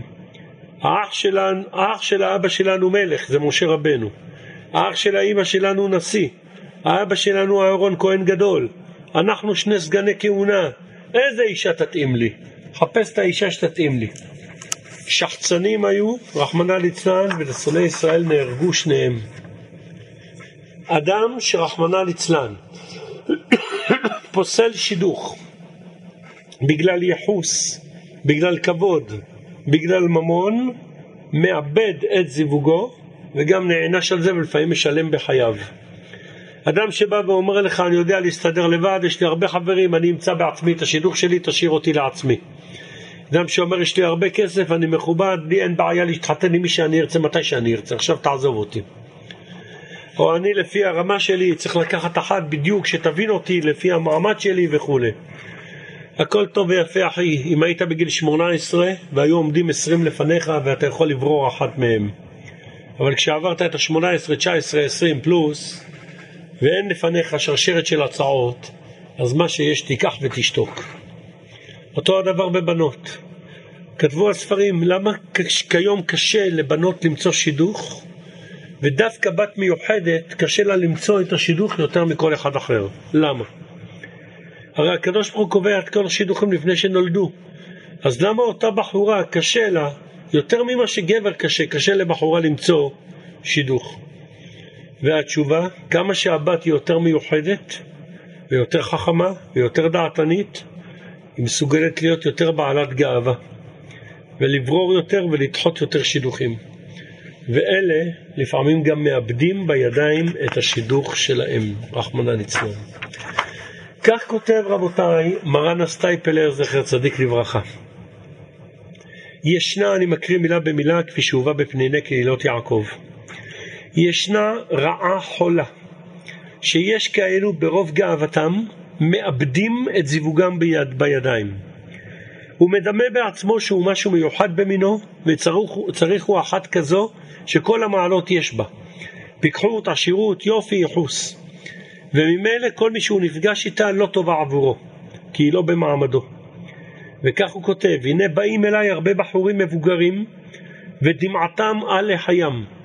איפה הבת פלוני שלי? איפה הזיווג שלי? ואני משיב להם, אומר להם רבנו הסטייפלר, אתה כבר נפגשת עם הבת זוג שלך לפני כמה שנים, בתחילת הצעות השידוכים שלך, ולא רצית אותה. היא לא מצאה חן בעיניך בגלל תירוץ טיפשי, והיא כבר מזמן התחתנה עם מישהו אחר ואתה נשארת בלי זיווג. אחים יקרים, על זה ידבו כל הדובים, רחמנא ליצלן, על אדם שבבררנות יתר שלו, מאבד את הזיווג שלו האישי בידיים, רחמנא ליצלן. אוי לנו, רחמנא ליצלן. אוי לאבא שבבררנות שלו דוחה שידוכים של הבן והבת. וכך כותב מרן הסטייפלר לאבא, תלמיד חכם. הבת שלך מבינה היטב שאם לא תעלה הצעה, היא, תישאר בבית עד שילבין ראשה. בת מבוגרת היא בעלת מום, וכל יום המום הזה הולך ומתחזק. ואין אפילו בני תורה מבוגרים רוצים בחורה מבוגרת בעלת מום, כי רוצים רק צעירה. וגם אם תזדמן איזושהי הצעה של בחור שיסכים למבוגרת, ברור שגם כאן אתה אבא תמשיך לברר ולסנן, והתוצאות מיראנה כי העצבים של האדם אינם מברזל. כותב לו תוכחת לאותו אבא שמסנן את השידוכים לבת שלו, כותב לו הרב. והנה אין אדם חי לעולם, וסוף סוף יבוא יום שמעלת כבודו אתה אבא, תעמוד לפני בית דין של מעלה. וישאלו אותך למה ומדוע שפכת את הדם של הבת. שמנעת ממנה להתחתן כי זה לא לפי המשפחה ולא לפי הכבוד. כל התירוצים שתגיד בעולם הזה, כשכיוונת לטובת הבת שלך, תדע לך שלא יתקבלו בשמיים כלל וכלל. כי שם המידות מבוררות, ומה שעושים מפני תאוות הכבוד, הדבר נראה בחוש. ומה יענה ביום הדין, ואנה יברח ויטמין עצמו ממידת הדין. הלא טוב שכבודו יפסיק להתנגד, ולא ישפוך את דם ביתו שיבת, ואמרו חז"ל, כל המעביר על מידותיו מעבירים לו. כלומר, אומר לו רבנו, הסטייפלר לאותו תלמיד חכם, שמצנזר שידוכים לבת שלו. אתה עוד עלול לתת את הדין על זה, שאתה מצנזר את השידוכים לבת שלך. תתפשר, תסכים, כל יום שהבת שלך נשארת נהיית מבוגרת יותר, בעלת מום, בת שמבוגרת זה בעלת מום יותר, מי כבר התחתנת בהמשך, כך מוכיח אותו, ואם אתה תמשיך ככה אתה תיתן את הדין לעתיד לבוא, כך כותב לו הרב. ובכן, גם מה יהיה אם אחת שלא מתחתן, מאבד את השידוך. ואז מה קורה? שמא יקדמנו, אחר ברחמים. מישהו אחר לקח לך את השידוך. כן, יש מציאות כזאת. מישהו שעומד ומתפלל חזק, ייקח לך את השידוך או ייקח לך את השידוך. אמרו יקדמנו אחר, זה לא רק בגבר, זה גם באישה, גם אישה שמתפללת חזק יכולה לקדם גבר אליה. את זה מוכיחים שהרי לאה הייתה צריכה להתחתן עם עשיו, ורחל נגזר עליה להתחתן עם יעקב. לאה לא הייתה ראויה להינשא, אלא לעשיו, כך התפקיד של לאה היה עשיו. אבל התפילה של לאה, בזכות התפילה שלה, הקדימה להתחתן עם יעקב לפני אחותה. כלומר, שמא יקדמנו אחר ברחמים, מדובר גם על בת. שיכולה להתאמץ ולקחת שידוך, ואכן היא לקחה את השידוך של רחל, לאה, בתפילות שלה. ורחל איבדה את השידוך הראשוני שלה בגלל הדמעות והתפילות של רחל. ראויה הייתה בכורה לצאת מרחל, אלא קידמה אותה לאה ברחמים והתחתנה לפניה. ההלכה אומרת עד כמה צריך להשתדל ולא לעכב שידוך. יש באחד השו"תים שאלה, ראובן בא מעיר אחרת ורוצה להתחתן עם אישה, אבל היא יושבת האישה הזאת שבעה אבלות על אבא שלה. האם מותר לאדם להשתדך, לכתוב תנאים בתוך שבעה לאבא שלה, שיתחתן איתה מיד אחרי השבעה, או לא? והשאלה הזאת נשאלת, האם האדם יכול לכתוב איתה הסכם מרוסים? כרגע, לסגור איתה, לעשות וורט איתה, כשהיא בשבעה על אבא שלה. התשובה, כותב בשו"ת, דברי יעקב, מותר לשטחה גם בתוך השבעה. אשר כתוב בשולחן אורך יורד היה סימן סימן שצ"ב, מותר לקדש אישה אפילו ביום המוות. שמא יקדימנו אחר ברחמים. אם כך, הוא הדין גם לגבי אישה אבלה, שמותר לשדך אותה שמא תקדימנה אישה אחרת. ולכן, הדברים אמורים בין בגבר ובין באישה. מה שאפשר רגע קודם, כדאי שמישהו לא יחטוף לך את הזיווג ברחמים, בתפילות. שידוך שהגיעו להסכמה בין הצדדים, לא ממתינים ולא מתעכבים אפילו לרגע, שלא ייכנס חתול שחור, שלא יבואו מקטרגים. מעשה היה בערב יום הכיפורים שנת תשס"ו. עמד אחד מבניו של הרב קנייבסקי לסגור שידוך עם הבן שלו, בערב כיפור. אבל בגלל טרדות היום, רצה לדחות את הוורט למוצאי כיפור. מה צריך עכשיו בערב כיפור? מוצאי כיפור. האבא, מרן הרב קנייבסקי, הורה לבן שלו לעשות את הוורט בערב יום כיפור ולא לדחות למוצאי כיפור. למה שמא יקדמנו אחר ברחמים? אחים יקרים, איפה הראש של הבן אדם בכלל כרגע להתחתן בערב כיפור? לא, עכשיו, שלא יקדם אותך אחר ברחמים. תשתדל כמה שיותר ומה שאפשר יותר, כדי להגיע לזיווג, אל חתונה, ולהיות אדם השלם בעזר השם. נקרא את מאמר הזורך בהם. תחת זה, אף על גב דברנה שהשתדל באורייתא יממה וליליה. בואו ראה אף על פי שאדם עוסק בתורה יומם ולילה, ומקורא עם הבועה קיימה בלמגנה. אם מקורו ומעיינו עומד בו בחינם, דהיינו שאינו רוצה לישא אישה ולהוליד בנים. לית לאתר לעלה לפרגודה, אין לו מקום להיכנס למחיצתו של הקדוש ברוך הוא. ואמר עוד, כתיב שב לכם השכימקום אחרי שבט אוכלי לחם העצבים, כן תיתן דידו שינה. תחת זה באורי מה דכתיב, שב לכם השכימקום, פירוש. אלה נינון יחידים להשתכחו דלה ונון דחר ונוקבה כדקאיות. אלו הם יחידים בעולם שאינם זכר ונקבה כראוי להיות. רצה לומר, שלא נשאו אישה. ואקדמן בצפרא לעבודתיו, מקדימים בבוקר לעבודתם. כמה דעת אמרת, יש אחד ואין שני, גם בן ואח אין לו. פירוש הוא יחידי ואינו נושא אישה להיות לו כאח לעזור להוליד בן. אין קץ לכל עמלו. הוא יגיע בעבודתו ואין לו הנאה ממנה. ומה שכתוב מאחרי שבט, פירוש מאחרי נייחה, שמאחרי מנוחתם על ידי שמאחרים לישא אישה. כמה דעת אמרת כי בו שבת, שפירושו נח במנוחה. הרי שמילת שבת היא לשון מנוחה. בגין דהיתתה לגבי ברנש, היא נייך לגבי ודאי, כי האישה אל האיש ודאי היא לא מנוחתו שמצילתו מן החטא. ואדם שלא מתחתן, אין לו מנוחה ולא נכנס לפרגות שלו אחרי פטירתו מן העולם, רחמנא ליצלן. אז מה תעשה? לך להתחתן. מה תעשי? בואי תתחתני. צריך השתדלות, צריך, אבל לא צריך טירוף הדעת. תמים תהיה עם השם אלוקיך, בלי הרבה שאלות, בלי הרבה חקירות. השתדלות פשוטה. אמר רבי יהודה מה שכתוב. הולך תמים היינו כנגד אנוכי השם אלוהיך, הוא מפרש. מלמד שצריך אדם לקבל עליו אימת עול מלכות שמיים ויאמין באמונת אומן בקדוש ברוך הוא. ואין לו רשות לערער במה שאינו יכול להשיג. רצה לומר שלא יחקור חקירות בעניין האמונה, משמע דכתיב זאת אנו למדים מה שכתוב אנוכי אדוני אלוהיך סתם, ותאמין בי בתמימות באמונה פשוטה. וראיה לדבר כי כתיב לך כתוב כאן הולך תמים, וכתיב התם וכתוב שם תמים תהיה עם השם אלוהיך, ופירש רש"י תהלך עמו בתמימות, תצפה לו, ולא תחקור אחר העתידות, אלא כל מה שיבוא עליך קבל בתמימות, ואז תהיה עמו ולחלקו. הרי שבא להורות כי אין לך רשות לערער על מה שלא הורשית, הרי הולך תמים שווה לאנוכי השם אלוקיך, תאמין שאם השידוך הזה יזדמן לך, אז מהשמיים הביאו אותך לידי זה, ואם אין משהו לפסוק, אתה לא צריך כרגע ללכת ולפסול ולחפור עם כל מיני תירוצים ומניעות שונות, אלא תקבל את זה בהשגחה פרטית, איך יהיה ומה יהיה ומה ומו ומה, הכל תשאיר על בורא עולם. ובורא עולם יעזור שיהיה בניין עדי עד. אני רוצה רבותיי לחתום פה לקראת סוף השיעור בעוד דבר אחד, לגבי דין ממונות, כי הרבה כאלה חושבים ואיך נחיה אחרי החתונה, ואיפה נגור, והכלכלה גם כיום קשה, וכולי וכולי, ובפרט אם זה הורה, שמחויב לחתן את הבן ולהשקיע כספים בחתונה של הילדים.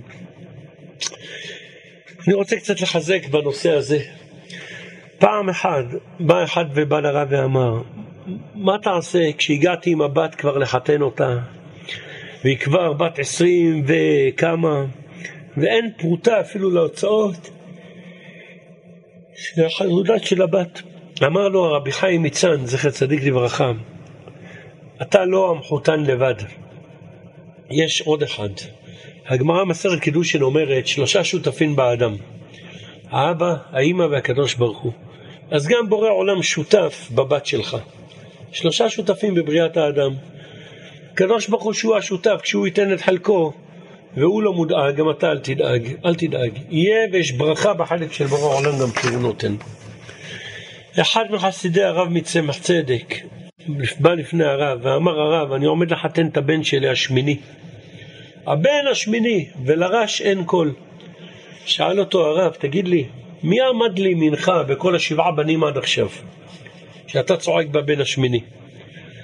אמר לו החסיד, האמת שאני אגיד לרב, אני באמת לא יודע חיתנתי את כל השבעה עד עכשיו. אמר לו הרב, כמו שאתה לא יודע חיתנת את השבעה עד עכשיו, אתה לא צריך גם כן להיות טרוד, איך תחתן גם את השמיני. מי שעזר לך עד עכשיו, יעזור לך גם כן הלאה. כותב בספר יערות דבש של רבי יונתן אייבישי, זכר צדיק לברכה.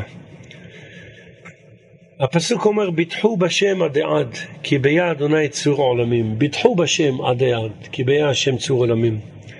מכאן תוכחה מגולה לאותם בחורים הממתינים, טרם יישאו נשים, כי חושבים שיגדלו ויהיה להם במה ואיך לפרנס. אלו שעושים כן, אני קורא אותם, על המחיה ועל הכלכלה עם קוף. גורמים כלכלה עם קוף ולא דואגים לכלכלה עם כף. צריך אדם לדעת שלפני שנולד הרי קבעו מהשמיים מי תהיה אשתך, אבל קבעו גם כן איפה תגורו ומה תהיה פרנסתך. רבנו הר"ן כותב על הגמרא במסרת מועד קטן, מכריזים מהשמיים בת פלוני לפלוני, ומכריזים מהשמיים שדה פלונית לפלוני. כלומר, פסיקת הנדוניה שאדם פוסק עם ביתו, הכל נגזר קודם יצירת הוולד. הכל נגזר טרם יצירת הוולד.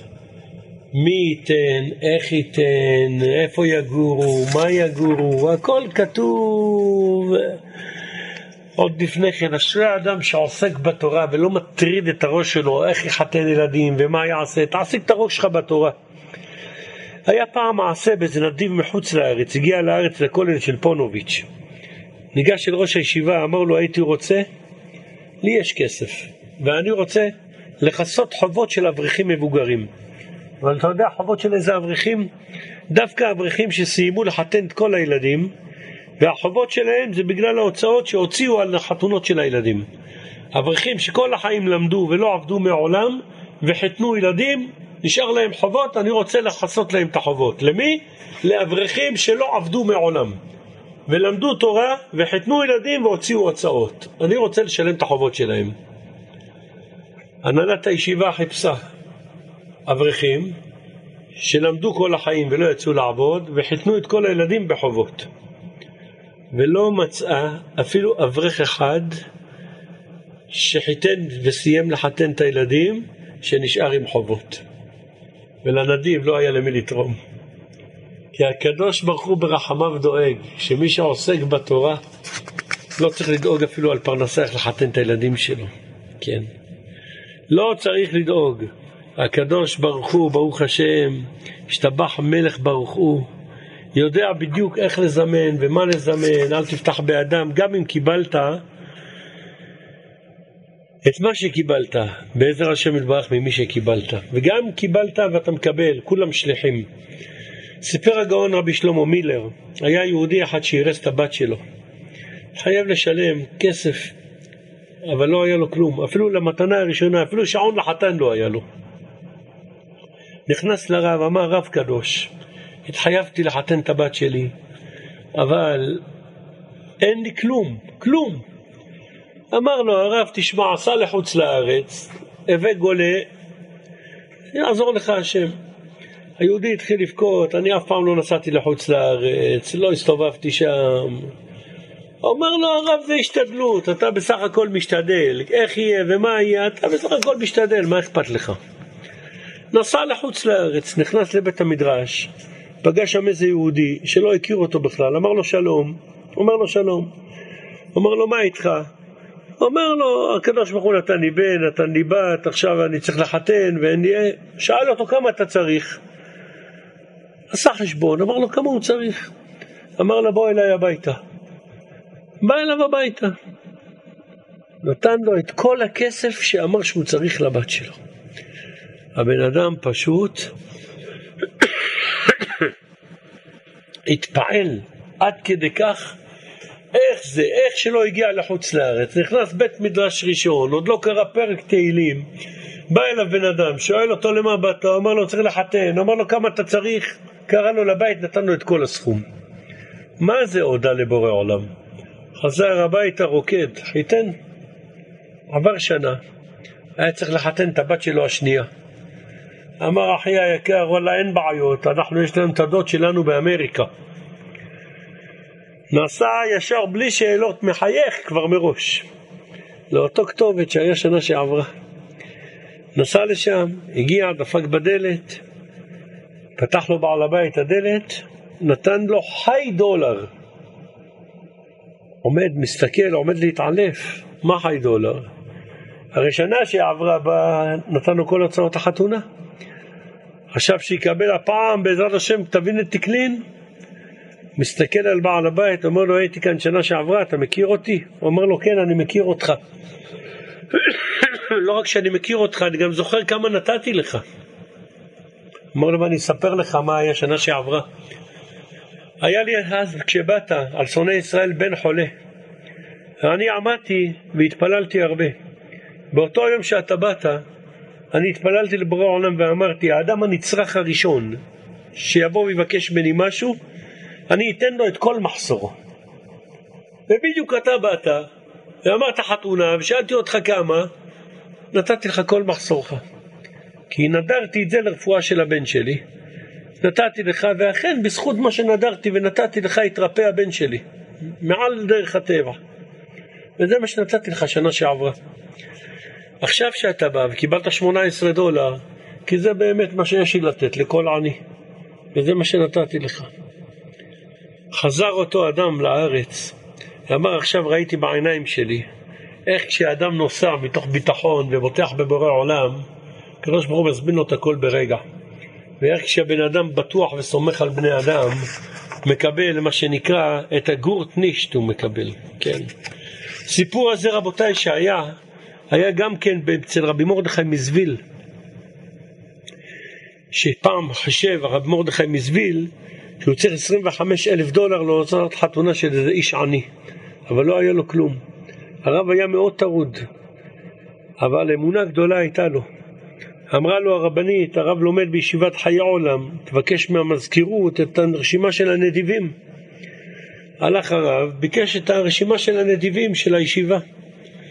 נתנו לו את הרשימה של הנדיבים, רשימה קצרה. הרב שלח מכתב. עבר שבועיים שלוש, הרב מקבל מכתב חזרה. צ'ק של 25 אלף דולר. תוך זמן קצר. הרב ברוך השם הצליח לחתן את הבת שלו והכל של אותו עני והכל בא למקורו בשלום. ראו גבי הישיבה שיש כאן אדם שאם שולחים לו מכתב משלם 25 אלף דולר. כשהגיעו הפקידים של הישיבה לאמריקה נכנסו לאותו אדם אמרו בטח ייתן לנו עכשיו 25 אלף דולר העשיר הזה באו וישבו לפניו וראו שנותן להם בסך הכל פרוטות שרוטות שאלו אותו, הרי לרב נתת מכתב ושלחת 25, אמר להם, יש לי בת יחידה, יראת שמיים, חנן אותי הקדוש ברוך הוא. זכינו לשידוך בשבילה. אחרי שעשינו שידוך, לפני החתונה, חלתה והמצב שלה הידרדר, עד שהייתה בסכנת חיים. ידענו שמצד ההגינות אנחנו חייבים להודיע למשפחה של החתן שהיא חולה, ואולי לבטל את השידוך. אבל לפני כל דבר שאנחנו עושים, אנחנו שואלים את הרב. פנינו לרב שלנו, הרב משה פיינשטיין, האם להודיע למשפחת החתן שהכלה חלתה ולבטל את השידוך או לא? אמר לנו הרב, תגידו, יש לבת חסכונות? אמרנו כן, חסכה קצת לחתונה. אמר לנו הרב משה פיינשטיין, את החסכונות שהיא נתנה, כתוב צדקה תציל ממוות, תנו את זה להכנסת כלה, חתונה תחת חתונה. ואז בדיוק באותו שבוע קיבלנו מכתב מהראש ישיבה שלכם, שהוא צריך לחתן מישהו וצריך 25 אלף דולר. ספרנו את החסכונות של הבת שלנו, וראינו שיש 25 אלף דולר, ושלחנו. ואיך ששלחנו הבת הבריאה, וחיתנו אותה. אנחנו לא נדיבים כל כך, אבל ברוך השם, אנחנו בעלי אמונה, אנחנו בעלי ביטחון, ברוך השם, ואז תראה לאיזו תוצאה הם הגיעו. אכן, אחים יקרים, לפני שאסיים את השיעור הנוכחי, במעשייה נפלאה, בואו ותראו את שכרו של האדם שמגיע לשיעורי תורה. איך מסדר את הראש שלו, איך מסדר את החיים שלו, ואיך זוכה לקבל עידוד. שברוך השם, כל שידוך זה בהשגחה מהשמיים, מאיתו יתברך שמו, ורק אנחנו עושים השתדלות, ואין בן אדם שאין לו שידוך, ולא צריך להישבר ולהתאכזב אם עשית מה שביכולתך ולא הלך, כי מי יודע מה ברור העולם מבשל לך לטובתך. תמשיך, להשם הישועה, זה יגיע, זה יבוא, לעשות השתדלות, אבל לא בטירוף, בעזרת השם יתברך. ואין דבר כזה אדם בלי שידוך, ואין דבר כזה בחורה בלי שידוך, אין סיר בלי מכסה ואין מכסה בלי סיר, ואפילו אם אתה נשמת זכר או נשמת נקבה, גם זה מסודר לפני הקדוש ברוך הוא ויהיה לך שידוך. אנחנו חותמים, אחים יקרים, את השיעור הנכבד הזה. אנחנו רבותיי נסיים את השיעור הנוכחי במעשייה.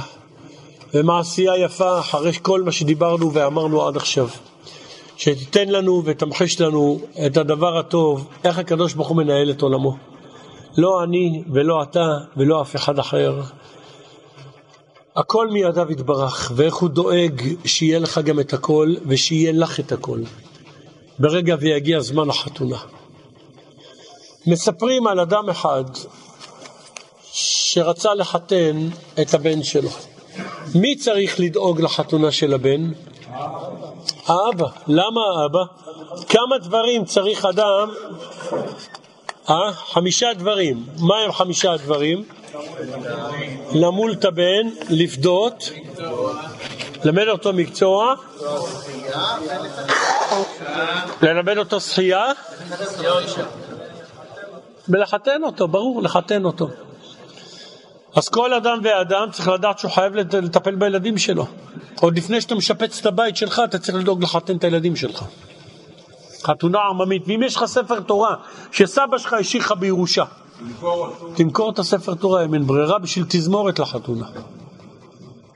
אבל הכסף יישרף, הספר תורה ילך, זה רצון השם. זה מה שעושים. והנה רבותיי, היה אדם אחד שהחליט לחתן, הגיע הזמן לחתן את הילדים. אותו אדם בא לפני תלמיד חכם ואומר, הרב, מאיפה אני מביא כסף? זה כבר לא ילד ראשון, או ילד שני, מאיפה אני מביא את הכסף? אומר לו הרב, סע לחוץ לארץ, תנסה לעשות איזה מגבית שמה. סע. אבל יש לך שתי תנאים. תנאי ראשון, תקבע עיתים לתורה. כל פעם שאתה, אתה לא סוגר יום בלי לקבוע עיתים לתורה. ותנאי שני, מה שייתנו לך תגיד תודה רבה. בלי הרבה שאלות. מה שתקבל תגיד תודה רבה. סע, אז קדוש ברוך הוא יצליח דרכך. הוא נסע לחוץ לארץ, לא הצליח באמת, לא בעניינים, מי ייתן לו, מי מכיר אותו, בא כמו איזה שנור אחד מפה ושם, מחתן מחתן. כל אחד והסיפור חיים שלו. הנה יום אחד לפני שהוא חוזר לכאן לארץ, הוא מגיע לאחד הבתים, לוחץ באינטרקום, איזה אדם עשיר פותח לו את הדלת דרך המערכת האלקטרונית. הוא בא להיכנס, קופץ עליו כלב, מזנק עליו איזה כלב ענק. כמעט הנשמה פרחה ממנו. העשיר רואה במצלמות, צועק לו, אל תפחד, אל תפחד, הכלב הזה רק נובח, לא יעשה לך כלום.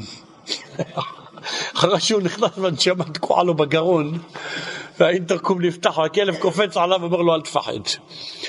בסדר, הוא נכנס, העשיר יושב שם רגל על רגל, רגליים על השולחן. אומר לו, נו, מה אתה רוצה? אמר לו, אני מחתן את הילד שלי, ואני צריך עזרה קצת, לחתן את הילדים וכולי, הכנסת כלה. מה עושה אותו עשיר? לוקח עשר דולר, שם בתוך הפה של הכלב ועושה לו נם.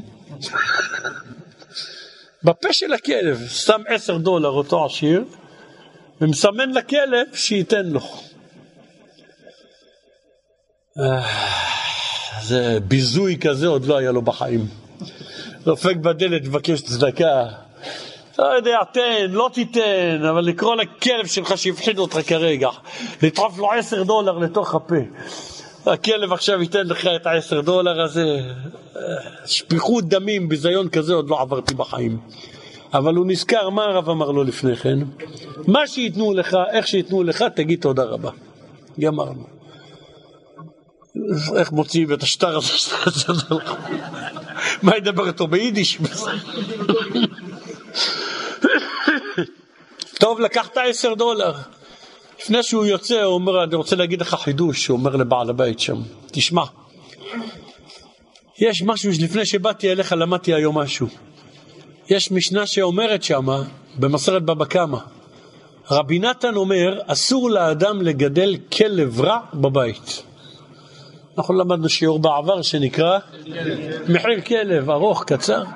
הגמרא אומרת, אסור לאדם לגדל כלב רע בבית. אומר לו אותו אחד שלקח את העשר דולר, תשמע, היום כשלמדתי את זה לפני שבאתי אליך, שאלתי את עצמי, מה, יש וכי יש כלב טוב? שהגמרא אומרת, אסור לגדל כלב רע בבית, ועכשיו אצלך התחדש לי שיש כלב טוב. כלב שתורם עשר דולר, זה שליח מצווה. אתה חידשת לי את החידוש, יא אבוסה. תודה רבה. אותו אחד מתחיל לשקשק, אומר לו, תשמע, תעשה לי טובה. אמרת לי דבר תורה היום, אמרת לי משהו גדול מאוד. אתה רואה את הווילה לידי פי ארבע ממני פה? לך לשם, דפוק בדלת, תגיד את החידוש תורה שאמרת פה. לך לשם, דפוק בדלת, תגיד את החידוש הזה. אמר אותו אחד, לא מספיק ההשפלה שפתח לי את הדלת כלב הסתער עליי.